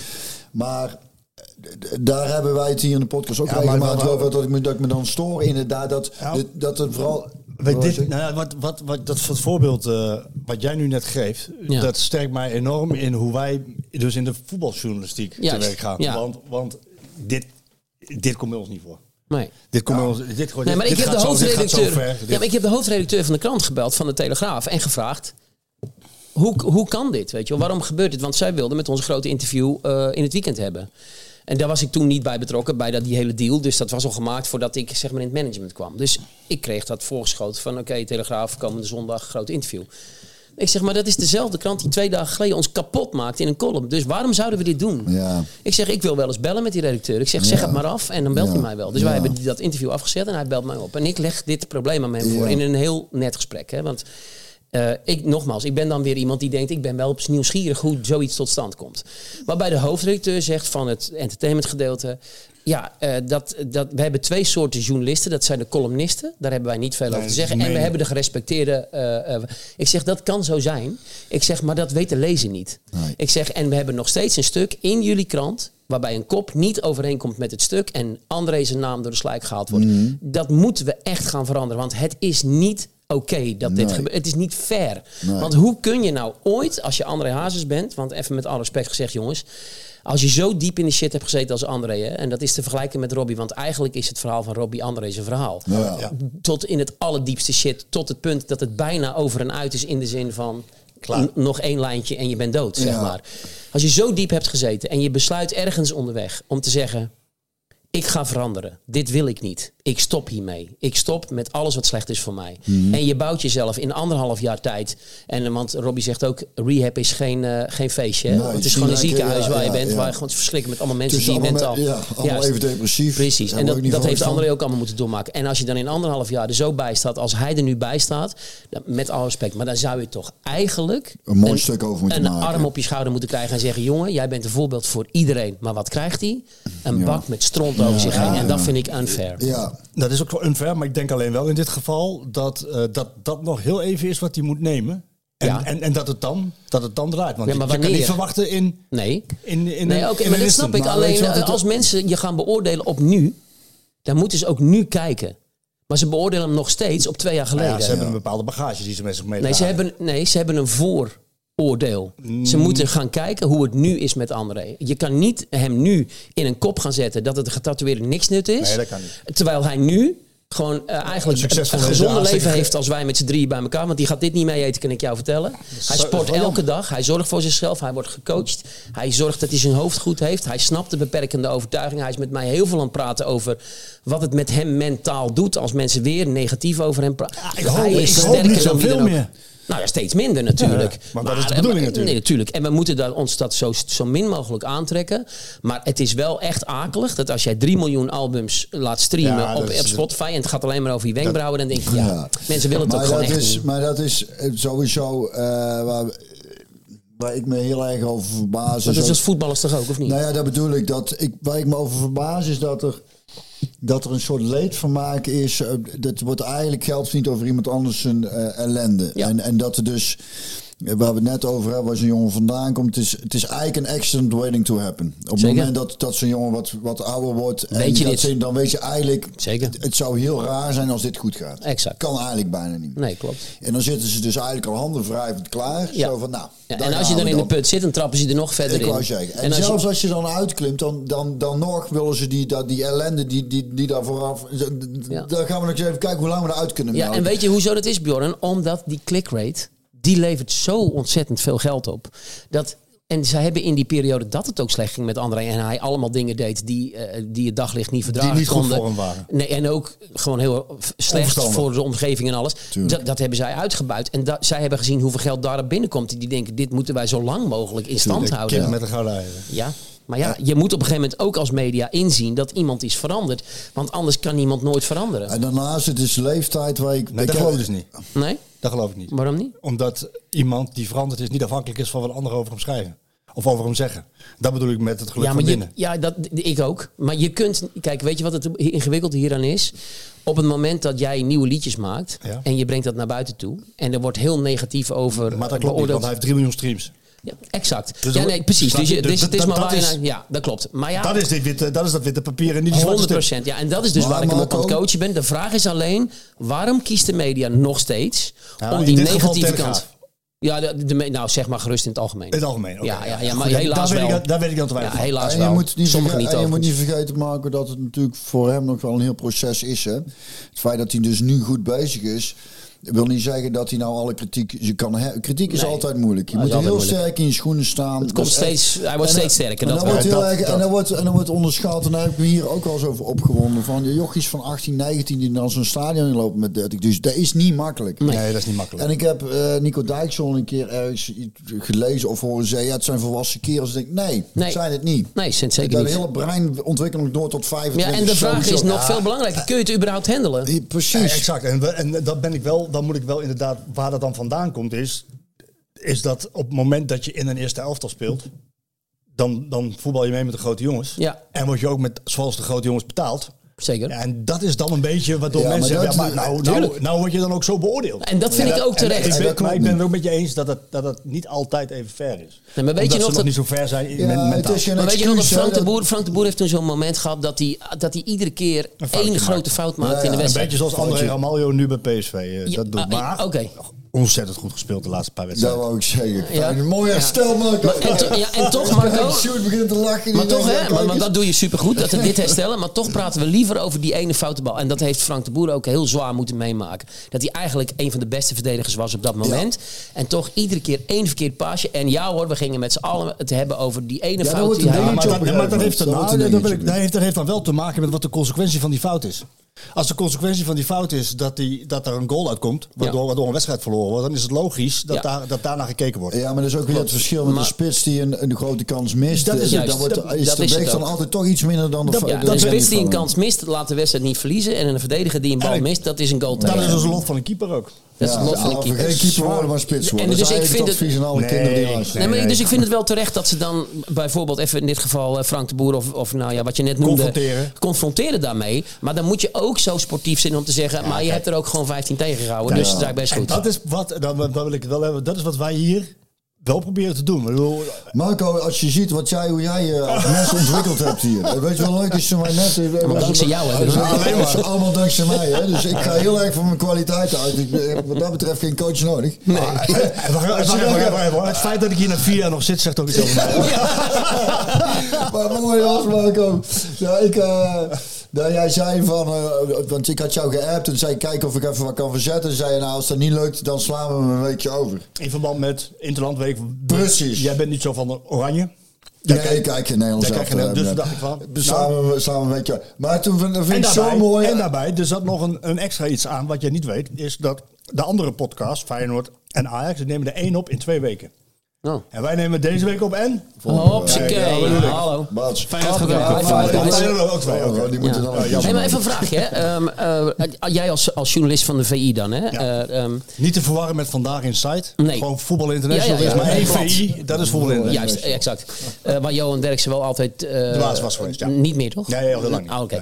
Ehm, eh, maar hoe zie jij bijvoorbeeld coaches eh, in, in, een, eh, in die elftallen, weet je wel? Want er wordt best wel veel geschoven, ook met trainers. Als het even niet goed gaat, wordt zo'n coach er weer uitgetrapt... omdat ze denken dat dan de hele wereld gered wordt. Hoe, hoe zie jij dat? De rol van een coach? of- Ja, de rol van een Nou, coach. in dit geval heb je de trainer. Ja. Je hebt een trainer. En in mijn, in mijn, naar mijn mening, in mijn optiek, is een trainer niet altijd een coach. Een trainer, en nog eerder, in de en Björn zal het wel beamen, is eh, het woord oefenmeester. Mhm. Was vroeger gewoon echt bedoeld om spelers voetballen te leren. Ja, techniek. Techniek en later tactiek. Ehm, maar tegenwoordig vind ik de voetballerij zo groot en zo complex.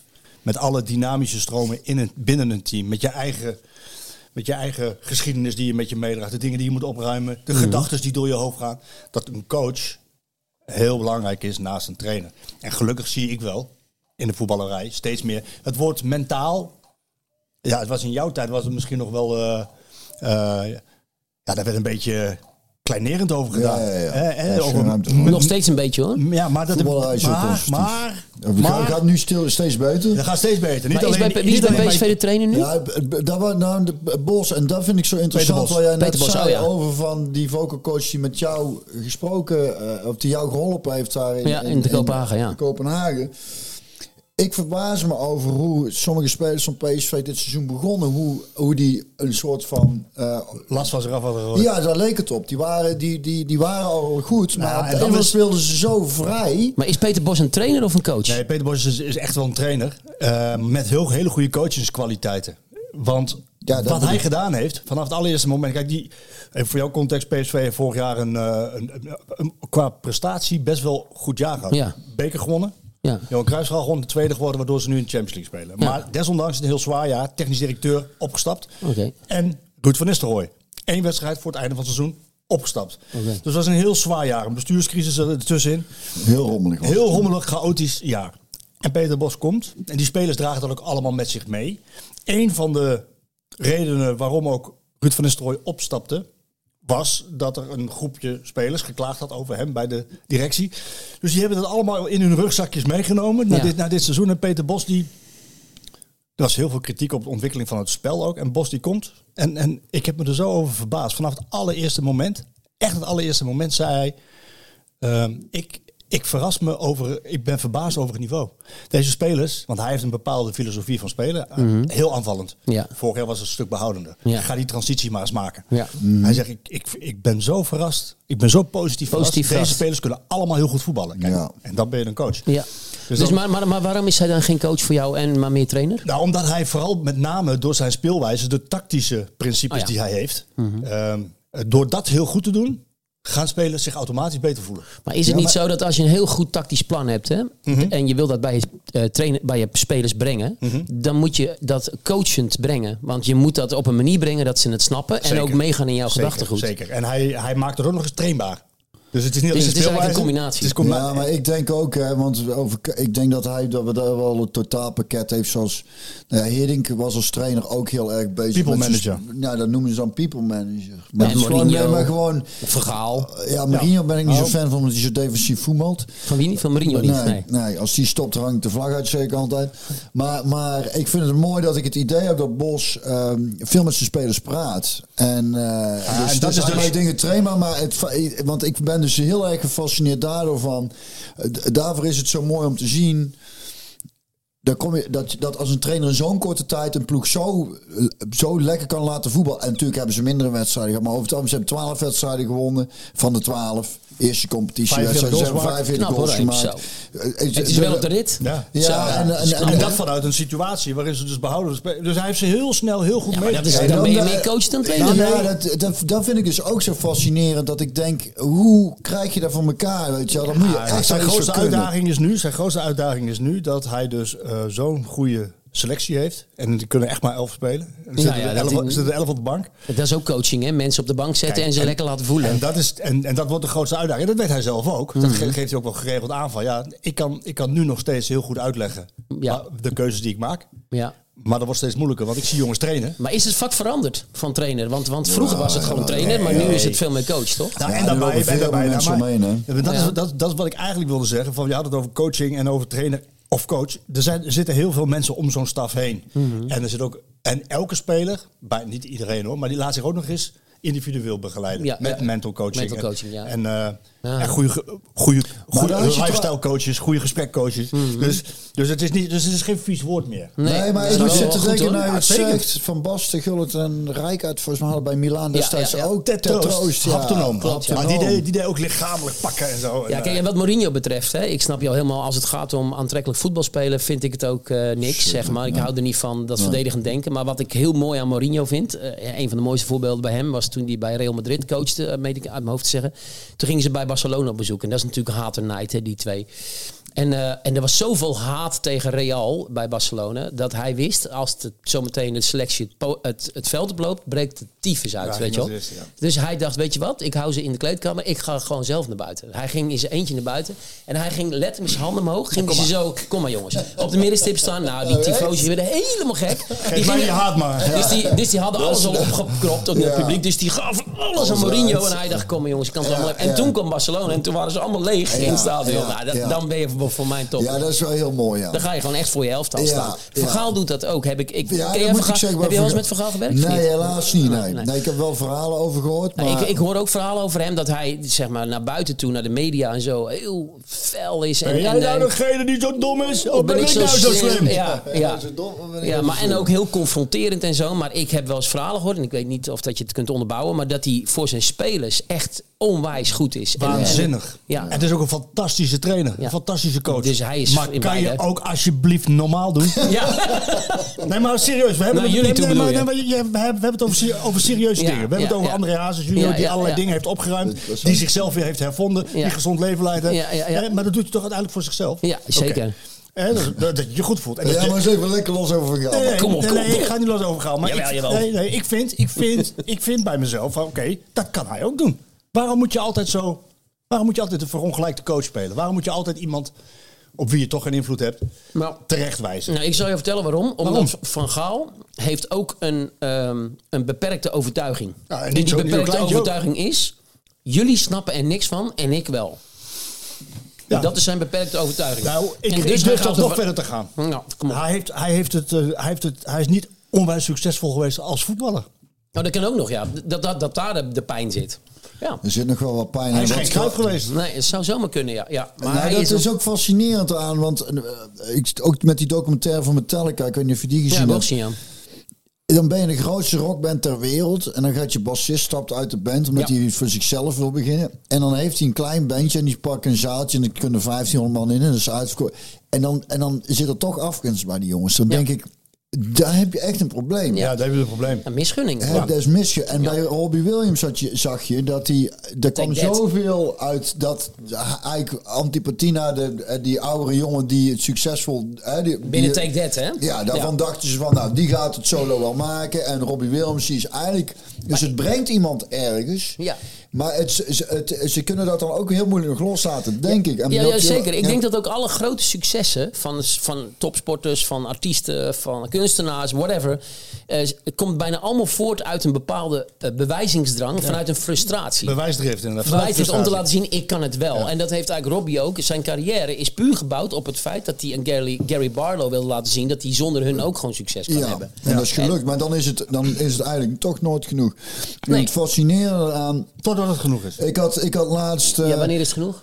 Ja, dat je jezelf goed voelt. nou ja, Ja, dat is is een lastig moment. is ja. ja. Dat, dat, nee, daar heb ik daar nog even over. Maar wat ik wil zeggen over verhalen moet ik nou aan denken, omdat. Wat Ja, laatst-. We hadden het laatst over, over, Buren? Noah, over Noah Lang. En die, en die sprak dus over zichzelf Ja. in de, in de, in de de, in de hij-vorm. Ja.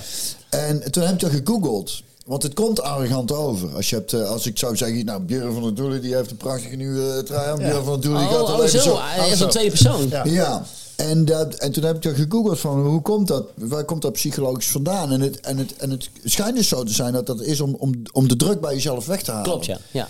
Dat dus jouw wel- echte ik, dus de kern van wie jij bent, wordt eigenlijk eh, als één entiteit gezien. En die praat over jouzelf als een tweede entiteit. Ja, dus dan Het haal is je... bijzonder, hè? Ja, Ja, ja. maar het is fascinerend. En, en het Maar dat is- grappige is, dus dat als je daarin verdiept, omdat je heel veel mensen zeggen, nou, ik ook, om te denken, oh, dat is arrogant, die praten.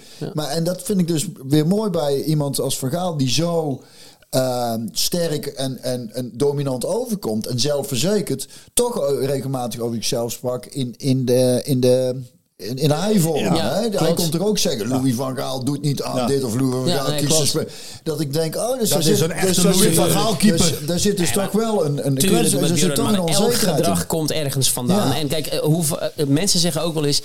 ik ben vandaag niet helemaal mezelf. Moet je eens over Ja. nadenken, over die Ja, zin. Hoe zin bizar die zin is. zin ik, natuurlijk. ik ben niet helemaal mezelf. Oftewel, ik ben iemand anders... Dat is eh, ontoerekeningsvatbaar, zullen we maar even zeggen, over alles wat ik vandaag zeg. Want ik ben het niet zelf. Als je dat überhaupt kan zeggen, dan moet je even gaan nadenken over... wat zit er nou? Waar, eh, waar- waarom zit ik in die buitenste laag? Want ik moet even naar binnen toe. Want daar zit niet een ik en een hij. Daar is één. En, en one, één, het getal één, is, is het allerdichtste bij jezelf. Want tussen één zit niks. Maar tussen twee zit een afstand. Dus als jij praat over een ander, praat je over een afstand. Eh, Dat vind, ik, daar zat ik dus ook over na te denken. Want als iets kwetsbaar is, is het wel zingen. Hè? Dus over prestatie. Kijk, Ja. een instrument spelen, daar zit er nog tussen. Dus Ja. en, en, en de ene gitaar klinkt ook beter dan de andere gitaar. ligt natuurlijk aan wat je ermee doet ook. Maar foutje op gitaar is altijd minder, voelt minder pijnlijk dan als je qua Ja. zang... eh, Dit is, dit is dus letterlijk je stem. Klopt, dat is wie jij en, bent. Ja. En, en dat, is, dat is de stem van je ziel. En, en, en daarnaast, alles slaat daarop. Eh, als je gespannen bent, als je geëmotioneerd bent, dat staat allemaal op je stem. Klopt, ja. Dus er is niks zo kwetsbaar als dat. Dus daar, daarom vond ik het ook zo interessant. Hoe coach je zo in? Kijk, Ja. Wanneer had hij het begrepen? Wanneer, wanneer kreeg hij door dat wat Björn zegt? Dat, dat je je je goed voelen, dat je niet verkrampt moet zingen, dat je jezelf moet zijn. Ehm, Kijk, eh, tja, Maar dat komt- is, de, ik weet niet of ik er een moment aan kan koppelen. Maar ik weet wel dat. ehm, poeh, dat is een best wel een moeilijke vraag, want dat komt geleidelijk. En het, eh, kijk, ik heb hem heel veel dingen verteld. Eigenlijk ook de dingen die ik nu met jullie bespreek en die jullie aan mij vertellen, die heb ik ook tegen André verteld. En niet alles landt direct, weet je wel. Dus eh, soms gaat, is het ook te ver van zijn bed. En dan denkt hij van, wat de fuck, eh, die gast zweeft ergens, laat maar gaan. Eh, maar nu komen we in een fase waarop die, eh, daar zijn we nu al een beetje voorbij, maar zeg maar zo'n half jaar geleden of zo. Toen zei hij heel vaak tegen mij, hey Ro, dat heb je al een keer tegen mij gezegd, toch? Van, ik ontdek nu iets, maar volgens mij heb jij dat al een keer tegen mij gezegd. Ja, en dan, dan is- komen de puzzels... al hangen, inderdaad. Ja, het is een soort van, ik snap Maar niet... dat is lastig, denk ik, want ik herken dat wel een klein beetje van mezelf. Van al- als ik iets wil, eh, als ik denk iets te weten. En ik wil, eh, ik zeg het goed, hè? Ja, mooi. het fantastisch. En ik wil dat duidelijk maken. Ja, Dan wil ik dat op dat moment duidelijk maken. Ja. En omdat ik weet van ik help die persoon ermee. ja. Maar kennelijk moet je dan soms even, als hij niet eh, ontvankelijk is, of hij denkt Ja. van laat me zitten, dan moet je dus toch even geduld hebben. Ja, absoluut, Dat ja, lijkt mij het lastigste. ja, ja, wij want jij, want jij, jij, jij, jij weet iets en jij weet van als, als jij dit doet, dan help ik jou. Dan ga jij beter zingen, voel jij je beter. Ja, maar ik ben dan wel een type die ook weet dat de waarheid niet bestaat. Want, want ik vind iets en dat kan voor een ander heel ander voelen. Eh, maar wat ik wel ook bijvoorbeeld in mijn carrière als vocal coach eh, heb geleerd eh, van KNO-artsen, waar we heel veel mee werken voor mensen met stemproblematiek. Ehm, dan komt er iemand bij mij en die zegt van, nou ja, ik heb echt last van mijn stem en ik heb echt last van... En dan zeg ik, oké, dan moet je naar KNO-arts, moet je laten onderzoeken. Dan gaan we kijken wat er is en dan gaan we kijken wat het traject wordt. Nou, die mensen moeten zelf een afspraak maken bij de KNO-arts. Maar dat doen ze niet. Dan, ga ik, dan bel ik die KNO-arts en zeg ik, ja, hij moet echt geholpen worden. Kunnen wij hem niet benaderen? En dan zegt de KNO-arts, wacht even. Jij bent niet de patiënt, hè? Dus op het moment dat zij jou niet gaan, mij niet gaan bellen of appen voor, of, of mailen voor een afspraak, is het blijkbaar niet belangrijk genoeg voor hun en moeten wij gewoon wachten.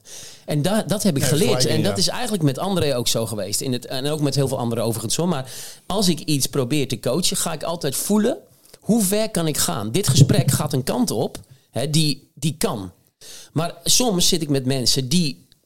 Eh, Die niet zijn, die zijn er nog niet. Ja, maar dat klinkt alsof dat hoger is. Zo bedoel ik het niet. Maar ze, ze zitten gewoon niet op dat die, spoor. die hebben nog niet die, dat, dat- die ontwikkeling nog niet. Nee, Ja, precies. grappig is hierin, want met- met kinderen, die oudjes Ja, nou 17. die komt zo naar beneden. Die komt zo eh, waarschijnlijk een badje als een keer naar beneden, denk ik. Nou ja, wat je, wat je daarin ziet. eh, eh, Ik, we hebben, ik heb het laatst met die jongens over gehad. Van, hè, als ouder. Ik zeg, wij, wij moeten daar ook maar uitzien te vogelen Ja, als ouders. Ik zeg, precies. wij weten het ook niet. Nee. Wij, soms zijn we misschien niet streng, soms niet. En daar is, als ouder besef je besef ik me nou ook dat, dat, dat heel dat kind is natuurlijk een traject. Hè? Dus als je 17 bent, ben je voornamelijk met jezelf bezig. Zeker. En dat is niet dat ze dat heel Nee, joh, bewust jou willen nee, joh, helemaal Dus daar moet je, en dus, en ik begin nou dus ook door te krijgen. Puberbrein, als je hè? kleine Puberbrein. puberbrein is heel ingewikkeld. Dus daar moet je als ouders ook weer rekening mee houden.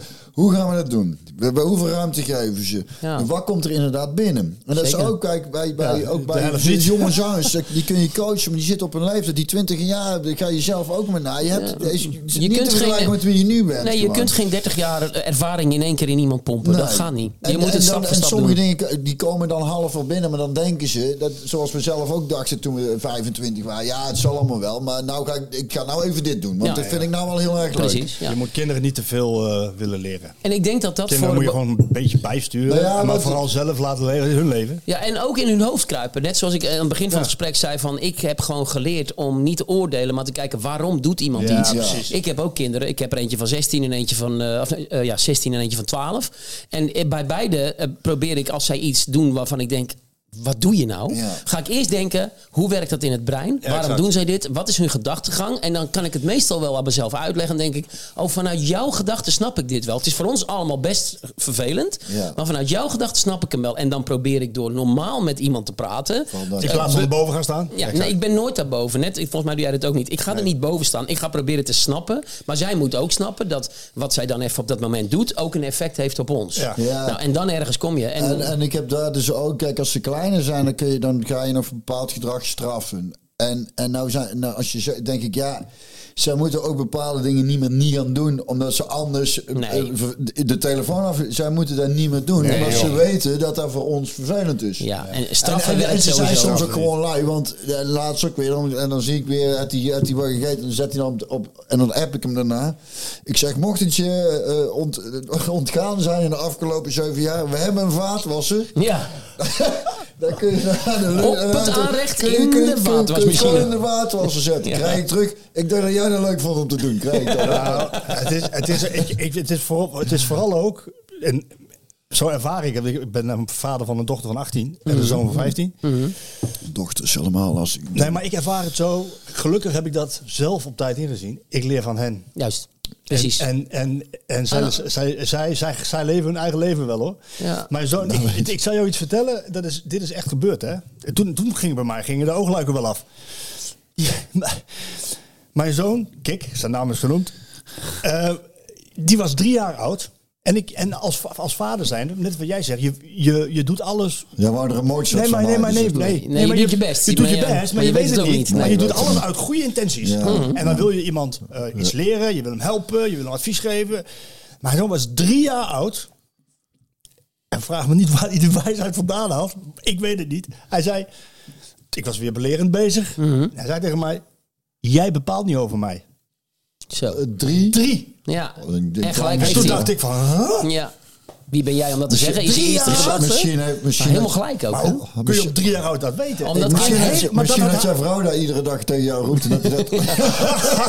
Het zou zo kunnen. ja, ja. gekopieerd. Nee. Nee. Maar hij had helemaal gelijk. Ja, en weet je wat het is? Ik denk dus dat kinderen in het algemeen veel eh, beter zien hoe het zit dan wij. Alleen omdat wij in een beperking zitten, Ja. helpen wij de kinderen ook in een beperking en denken we dat dat het leven is. Ik, ik doe moet- het echt niet, helemaal nul. Helemaal ik, ik straf ook. Ik heb Nou nooit gestraft. Nou ja, doe maar het niet. is, wat ik wel interessant vond ook is om aan te geven van om zelf na te denken waar, eh, waarom ik zelf op een bepaalde manier kan reageren, wat zij dan weer vervelend vinden. Ja. En toen ik er daarachter kwam dan- en dan weer aan hun uitleg, dan ga je elkaar veel beter snappen. Exact, want ook En jouw reactie komt weer uit. Uit iets wat mij bijvoorbeeld dwars zit. Zeker. En dan moet Ook ik dan jij bent hun- maar een product van een product. Ja, jongen. Ja, maar het is wel een verdomd goed gelukt. Het zijn topproducten. is het eigenlijk, ja, Topproduct. absoluut. En niet duur. Chapeau voor je ouders. En niet duur. Zullen we het daar Ja. eens over gaan hebben? Ja, Nee. Zullen we heel eventjes een, eh, een voetbalbreak inlassen? Ja, even een voetbal. heel even Dan kort. ga ik heel even snel Nee, jij kan niet helemaal blijven zitten. Nee, ja. Kut. Ja, Nee, we gaan je plassen. Nee, ik hoef- Ja, ja, ik hoef even- niet. Nou, toch gaan. Dit dat moet je gaan. We gaan heel even kort van even PSV behandelen voordat we teruggaan naar deze boeiende materie. Want dit is natuurlijk veel Ja, veel- dat vind ik heel erg leuk. Ik ook, maar het moet wel Echt heel even kort over PSV. Nee. PSV speelt tegen PEC Zwolle. Die hebben dus 12, Ja. wed- 12 wedstrijden gespeeld en dus ook nog ehm, alles gewonnen. 45 voor, 5 tegen. Gaan een interlandbreek in. Ik zit die wedstrijd te kijken in het Philips Stadion en ik zit te kijken en ik denk, oh wat erg. Weet je hoe het voelde? Zo heb ik het ook opgeschreven. Jij krijgt natuurlijk de VI en dan ga je weer spellen. Hè? Je verspelt de VI. Niet.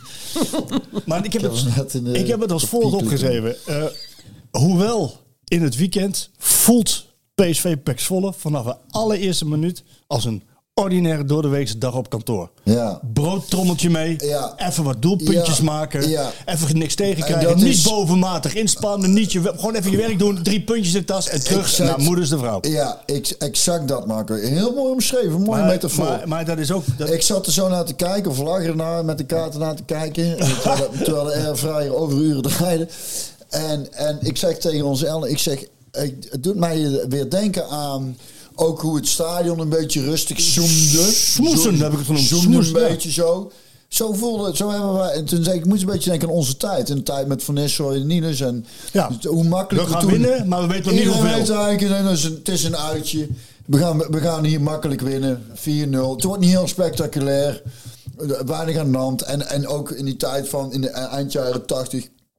En dat gaf mij eigenlijk, ondanks dat het niet super vermaakt. En, en, en moet je zeggen, scores nog vier keer ook nog, hè? En dan zeggen we ook niet super. We kunnen nagaan hoe lekker er gevoetbald wordt. Ja. En eh, inderdaad, dat zonder extreme, eh, heel diep te hoeven gaan. Win je gewoon heel makkelijk eh, met, met 4-0. Van Pek Zwolle, Eh, ja. Van, van Pek Zwolle. En die staan volgens mij toch ook... Tiende of zo, elf. Nee, volgens mij stonden die eh Oh, iets hoger achtste. Maar kun je überhaupt attractief voetbal spelen als je superieur bent aan een andere ploeg?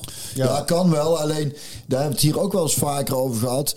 Het is... ehm, het is, dan zul je, zodra je een podium opstapt en, en er staat een, een, een, een, een, een weet ik veel mensenmassa voor je, dan gaat het vanzelf. Krijg je adrenaline en dan, en dan, dan, dan kom je in een andere zone, zeg maar. Dus dan word je scherp en dan, en dan hoef je eigenlijk zelf niks aan te doen. En soms heb je wedstrijden waarin dat niet is. Nee.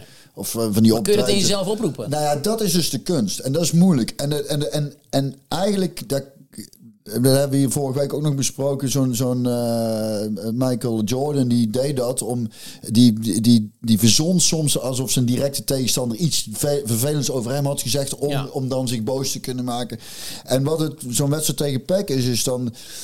Ja, ik, ik, word er, ik word er eerlijk gezegd wel als PSV-supporter heel blij van hoe makkelijk die wedstrijden gewonnen. Omdat je weet, die gaan niet, daar is, daar is, je, je loopt niet over van adrenaline bij zo'n wedstrijd. En toch win je niet eigenlijk met twee vingers in je neus. Gewoon puur op kwaliteit, individuele kwaliteit, de tactische kwaliteit. De coach die volgens mij dan in de rust toch niet tevreden is. Want Nee, maar- de boel ook toch wel scherp genoeg. eh, Want volgens mij, het is alweer lang geleden, het was zondag, was het de tweede helft ook wel weer Beter. wel beter dan de eerste helft. Ja, de vraag is dus eigenlijk, want het- bij Formule 1 hebben ze ook dat probleem nu. Hè? Max Ja. Verstappen wint alles eh, makkelijk. Superieur. En dus, dus, dus die hele vi- vi- VIA of zo is dat toch? ja. Die, die zijn aan het bedenken, hoe gaan we dit interessant te maken? En ik weet dat er een periode is geweest, volgens mij was het ook door Cruijff. Die heeft op een gegeven moment eh, die buitenspelregeling aangepast. Dat als je niet hinderlijk eh, in buitenspelpositie staat, dan mag je toch door. Ja, als Want het- anders als het- gingen ze altijd op lijn. Dan moest Ja, iedereen meelopen, ja. weet je wel. Dus, dus eh Cruijff was ook al bezig met hoe maken we dit attractiever. Kun je niet bedenken... Ja, dat kan denk ik niet, maar ik gooi het gewoon in de groep. Dus jullie mag even dat doorvoeren. Attractief. Als het attractief is, krijg je extra punten. Ja, jury, Ja. jurysport. Dat Ik zegt hij heb, altijd. exa- ik heb exact hetzelfde hier al eens gezegd. Ja, jureren. Nou het ja, gaan wij Hij in de heeft, hij jury. heeft stiekem al die podcast geluisterd. Nee, nee, nee. Het is grappig dat je dat zegt. Ja, jury's, maar ik heb ook een tijd terug. Kijk, want ik moet zeggen, ik, het, is, het is ook geen. eh, het is niet.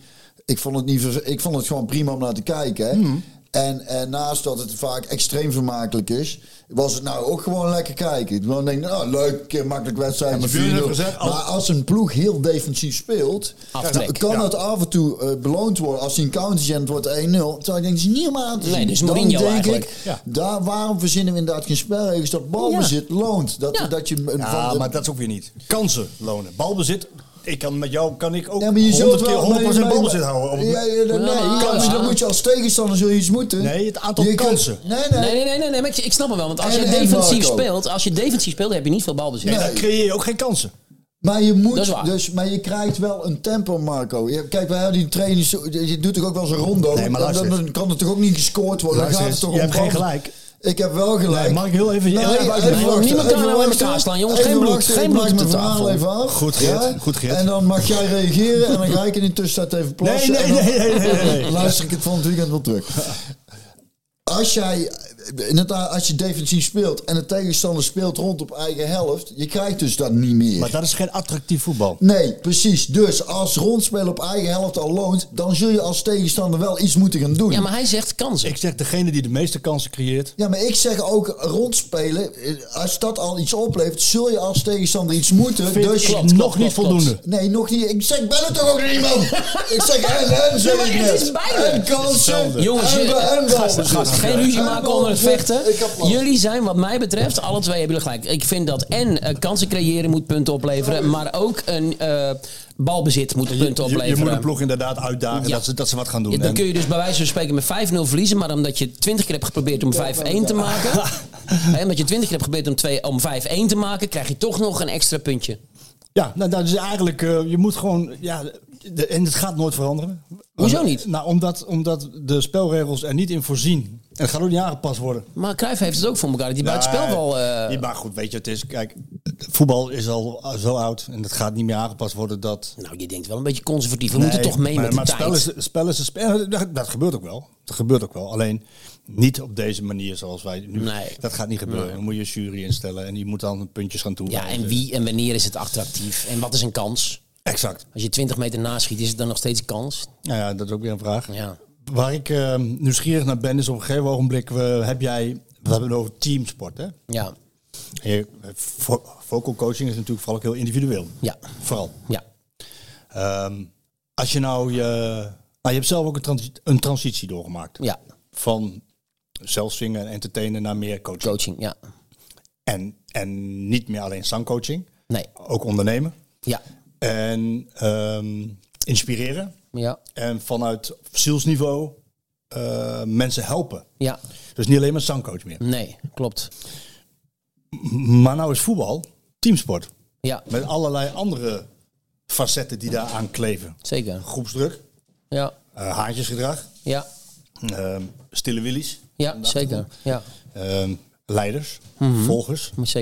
Zeker. Hoe, hoe, hoe, eh, wat, wat zou je kunnen, met ik- de wetenschap die jij nu hebt, Ja, en ja. wat je, hoe je coacht, mooi. hoe zou je dat dan... Ja, ik denk zelf dat, dat je, je als je een, eh, een team eh, moet coachen, dat je een team bewust moet maken dat iedereen zijn eigen proces heeft.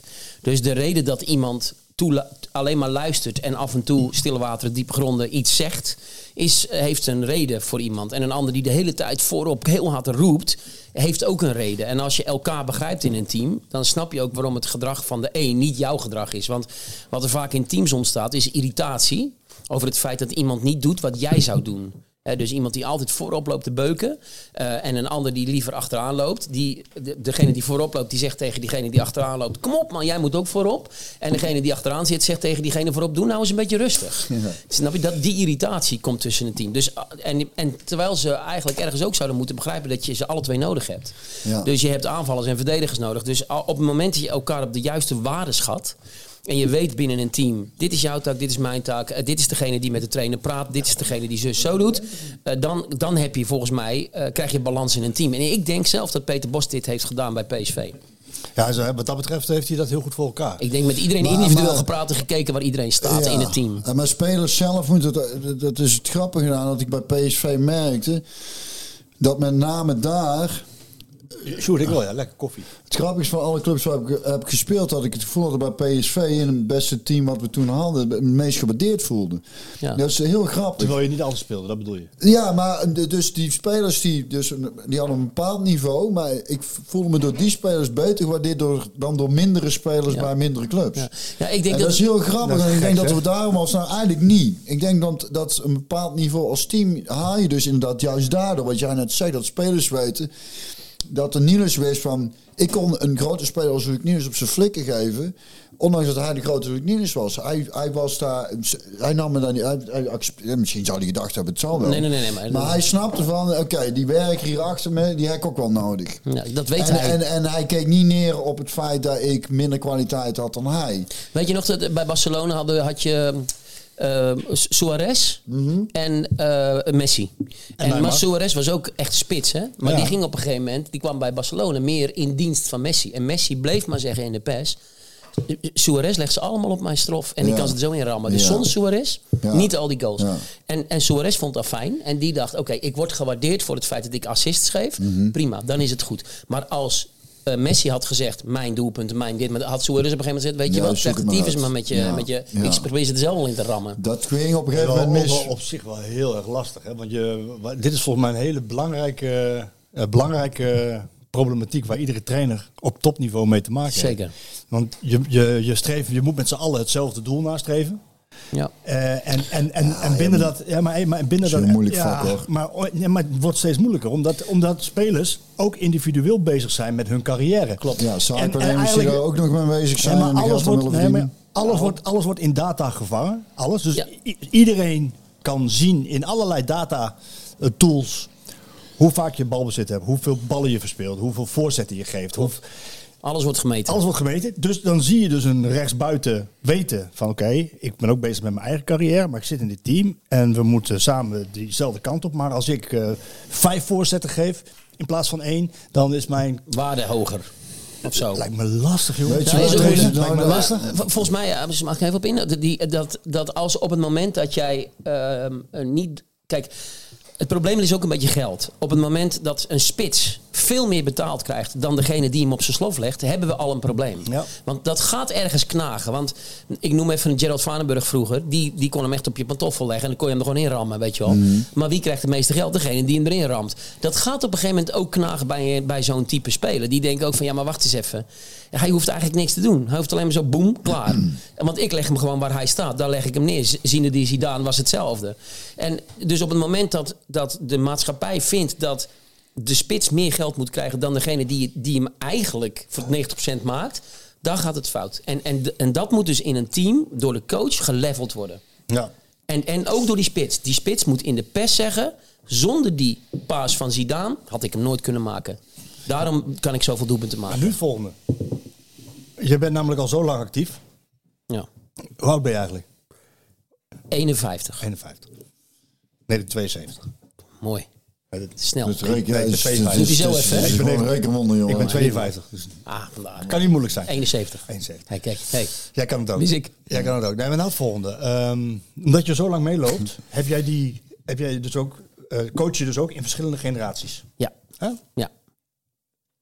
Björn die heeft, komt ook uit de voetballerij, heel lang. eh, En, en eh, als artiest eh, maakt hij ook met verschillende generaties. Nou, Sjoerd behoort tot die generatie, generatie Z. Niet echt? Net, net niet. Millennial net. Millennial, ja. Hmm. Generatie Z. Niet de beste generatie, maar, maar bent de uitzondering. Jij bent de uitzondering. Nee hoor. Nee, maar- nee, ja. Maar de generatie Z, daar heb ik wel eens met Henk Vrezer over gehad. En eh, die wil... dat, is een, dus echt een... een, een ja, je moet een andere benadering hebben. Ja. Eh, ze willen veel voor weinig. Ja.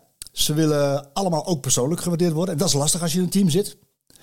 Eh, ja. Nou, ja.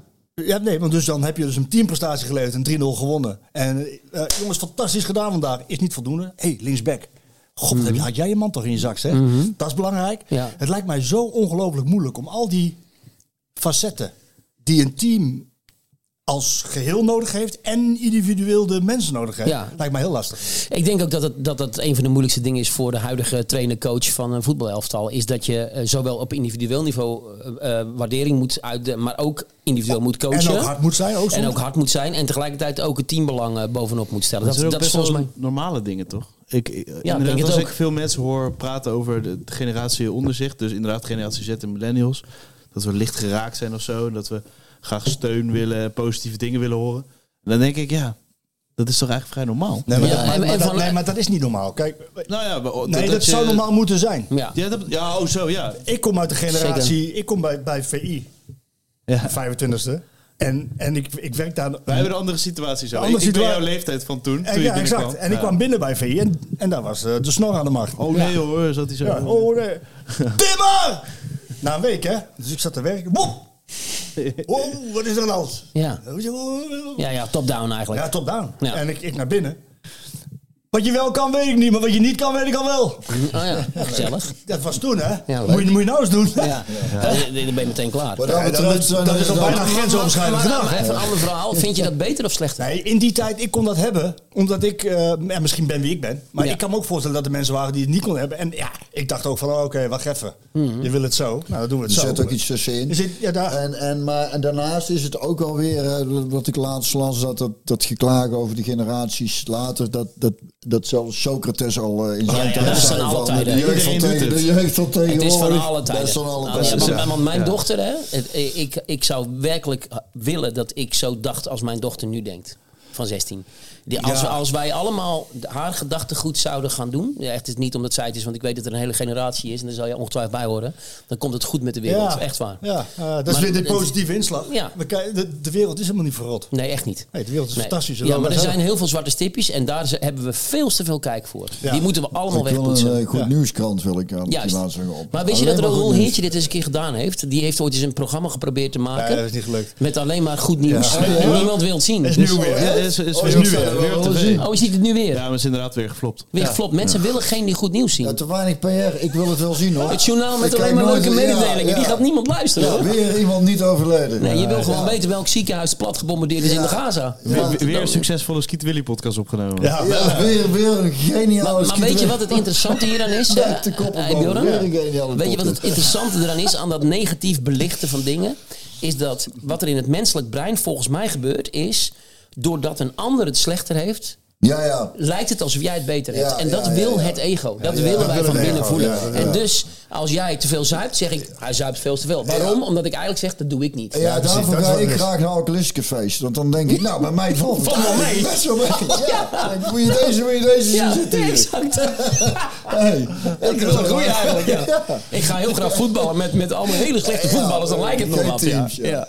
Ja. Ja. Ja. Sjoerd, hoe lang zijn we onderweg, jongen? Een uurtje. Uurtje denk ik. Ja. Uurtje Ja, allemaal. ja. Oh, lekker. Ehm, ja, hartstikke goed. Hoe, hoe, hoe, Nou, anderhalf denk ik. Nee, eh, anderhalf jaar. Ja, Anderhalf deze opnieuw hoe, gaat het, eh, hoe gaat het verder met, eh met André Hazes junior? Hoe gaat het? Hoe, hoe, Ik ben benieuwd naar die wat, plaat. wat, is, wat is de volgende stap in, in hoe hij zich als persoon ontwikkelt? Heeft Ja. hij er straks minder last van wat er over hem gezegd wordt? Ja. Kan hij bijvoorbeeld straks tegen de Telegraaf zeggen in een interview...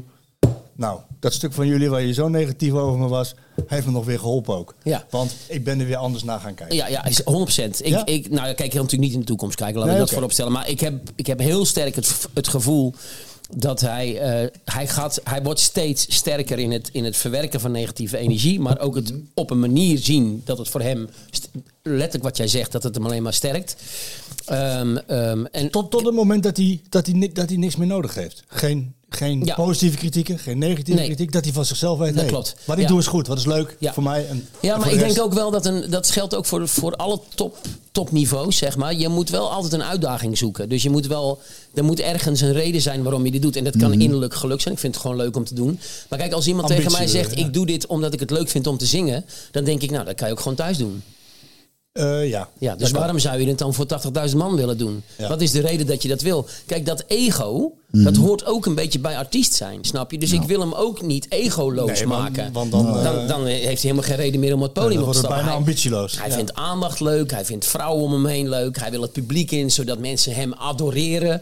Wat helemaal niet ongezond is, want eh, dat, weet je, dat hoort gewoon bij artiest zijn. Dat hebben alle artiesten een beetje, anders Ja. ga je niet in de spotlight staan. Als je Ja. dat verschrikkelijk vindt, ben je niet goed bij je hoofd. Waarom zou je het doen, weet je wel?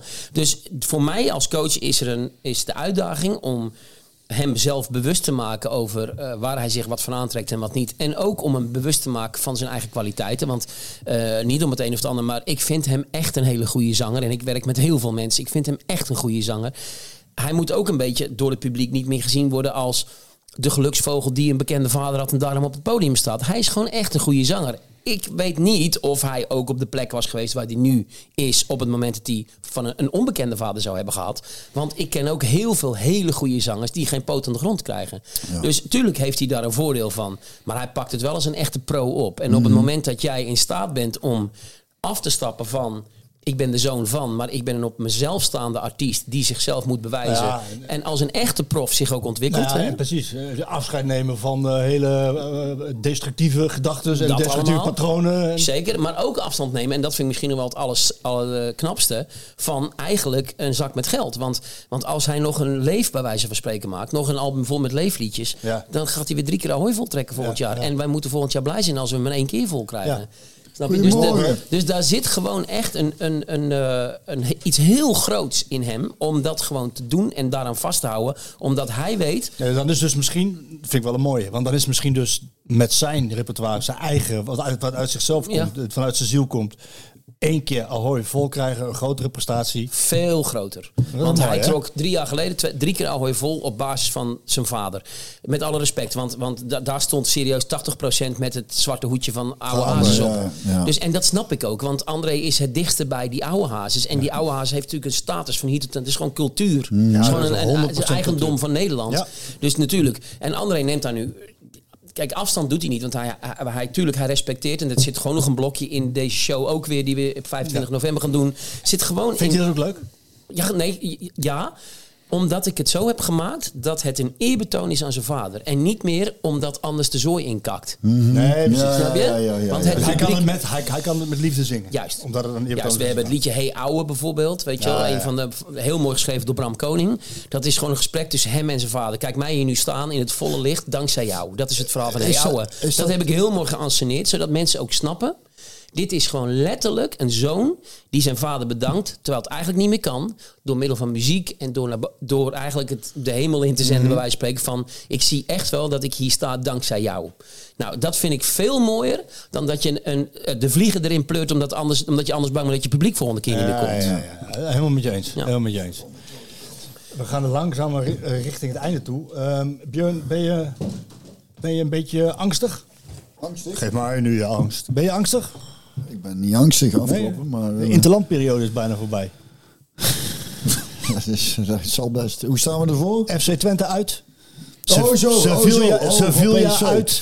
Feyenoord uit. Ja, nou ja, het Ja, is... eh, ja, ja, nou ja, dat zijn... Dat, eh, jij noemt dat meestal de, de week van de waarheid. hè? Zo is het. Is dat komende week?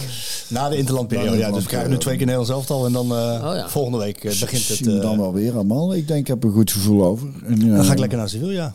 Oh, jij gaat dan weer lekker naar Sevilla.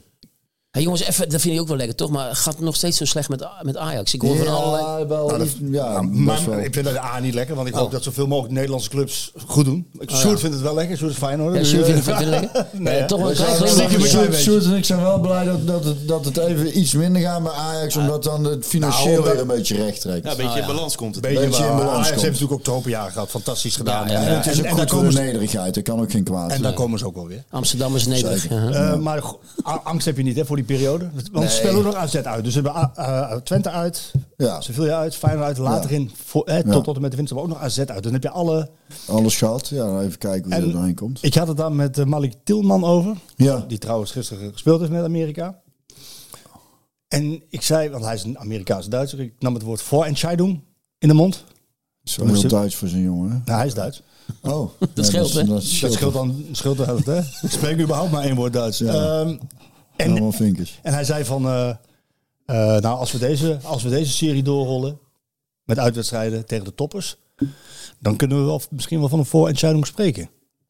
Als voorzichtig mee zijn, maar, de, maar eh, zoals ze eh, ook zo met z'n als tegen PEC, dat geeft mij zoveel vertrouwen, denk ik. Moet heel raar Waarom lopen. zouden ze inzakken? Waarom zouden ze Ja, inkakken? nee, dat weet ik daarom. De, je, je gaat, weet, we hebben, je weet, je weet, ik klop altijd alles af, maar zoals het er nu uitziet, eh, als je daar goed doorheen komt, het ziet van hoe goed ze de zaken op orde hebben, dan moet het inderdaad heel raar lopen. Ook gezien de breedte van de selectie en de kwaliteit daar zit. En eh, als ze nog iets bij gaan halen, volgens mij is dat ook nog het plan. Wordt er verwacht dat het inzakt? Nee, nee, maar ja, we hebben wel eens een seizoen gehad. en Dat is, dat is jaren geleden. Oh, dat is Toen- meer vanuit het verleden. toen Nou stonden, ja. we, stonden we tien punten voor met de winterstop. En toen werden er al grappen gemaakt van gooi de winterbanden maar op de platte kar. En, en, toen, ver- en toen werden we uiteindelijk toch geen kampioen. En Oh, PSV heeft nog niet de, op Ajax nou nog niet de grote clubs gehad zoals eh, Feyenoord. Oh, precies, oké, dus dus we die moeten nog wel even een varkentje te wassen. ja, we moeten nog wel wat... eh, Eh, tot slot, eh, jij, jij bent artiest. artiest. En, en jij schrijft je eigen liedjes ook. Ja, Ik ben een schrijver, ja, toch? ja. We zijn Heb twee nou- schrijvers. heb je in april wat te doen? In april wat te doen. Ik had het net Eh, over Sevilla, niet voor niks natuurlijk. Ik hou van Andalusië. Andalusië. Eh, ik weet niet of je ooit geweest bent, maar ik, sta, ik ben, sta vooral voor heel veel dingen open. Ligt eraan wat- waar je nou mee Wat, ga je Nou, vragen? hij heeft een, eh, een schrijverskamp. Oh, hé? Ja, ja. In Andalusië. Ja, komen jullie mee? Ja, dat zeg ik. Ja, man, wat te ik doen? ga, ja, dat gaan we Ik fixen. ga schrijven. Oh my god. Jij gaat muziek maken. Jongens, dit wordt waanzinnig. In, in, in Zuid-Spanje, gewoon lekker Zeg aan de kust. In een privéhotelletje met een zwembad. Godverdomme, Op, op nog En geen drie, op nog geen drie minuutjes van het, eh, van het strand.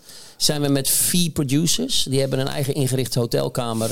En wij schrijven liedjes met elkaar. Jullie samen of ik, wij komen helpen. Degene die hulp nodig heeft. En dan gaan we met de producers het liedje als demo maken. En op donderdagavond krijgen we de presentatie van tussen de 15 en de 20 fonkelnieuwe liedjes. Eh, bij het zwembad van de kandidaten. Fantastisch. Dat Ja. zijn wel... eh, Ja, dat is superleuk. Ja, jullie moeten Is dat mee. leuk of niet? Ja, dat is fantastisch. Ga gewoon ja. mee, man. Ja. Dat is echt één groot feest. Echt waar. Ik ga, je, ik ga deze podcast, deze Denk dat podcast, hij gaat het weinig- regelen. Deze, dat podcast geschreven gaat worden.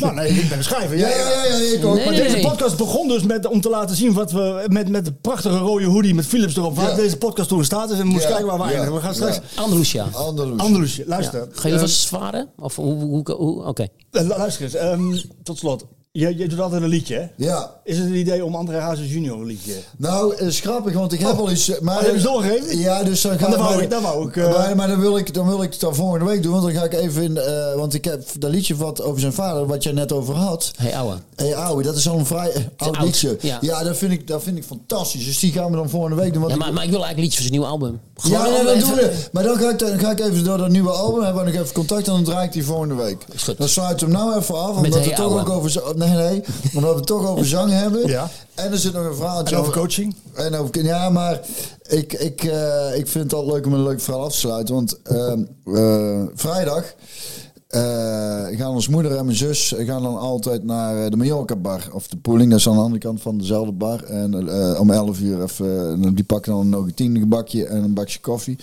En soms dan ga ik daar ook heen. En dan vat ik een eh carpaccio salade met beide sauzen, de pesto en de Oh, truffelsaus samen. Levensgenieten. Heerlijk omschreven ook. Heerlijk. Lekker ondeugend, goed zo. Eh, met een groene thee, want de tomatensap hebben ze er niet. Dus eh, misschien als ze het horen bij, eh, dan geef ik het vertaan om tijd door. Kom eraan, doe met tomatensap.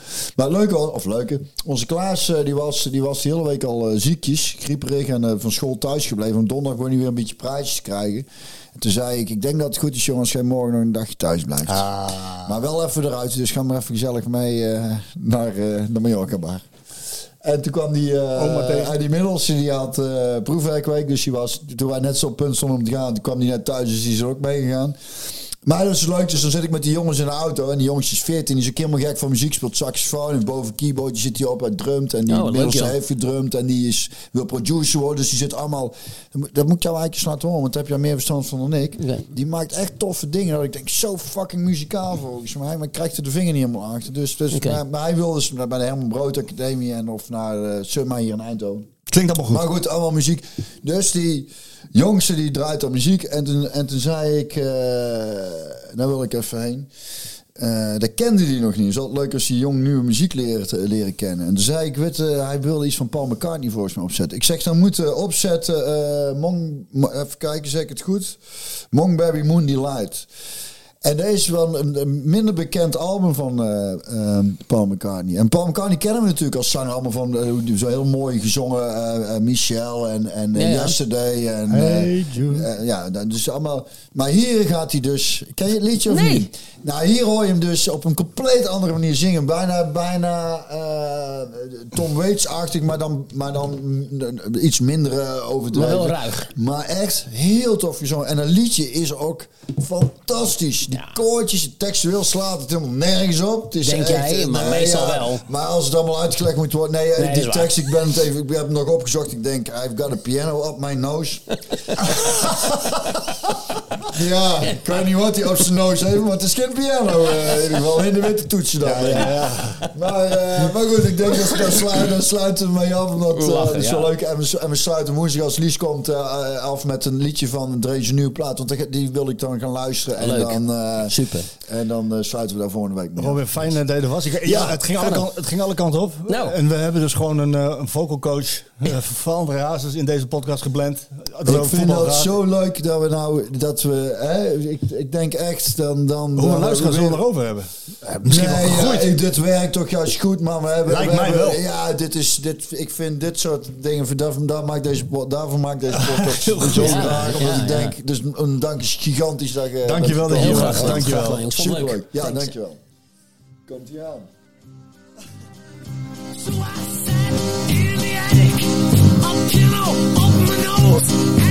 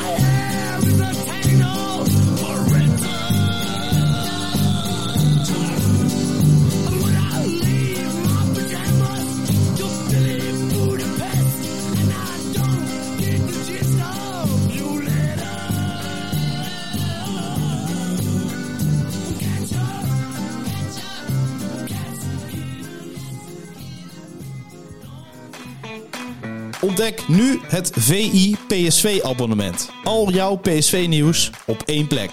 Krijg toegang tot exclusieve podcasts, tactische analyses, interviews met spelers en financiële inzichten over de club PSV voor maar 4,99 euro per maand. Ga naar vi.nl/slash VIPSV en scoor nu jouw voordeel.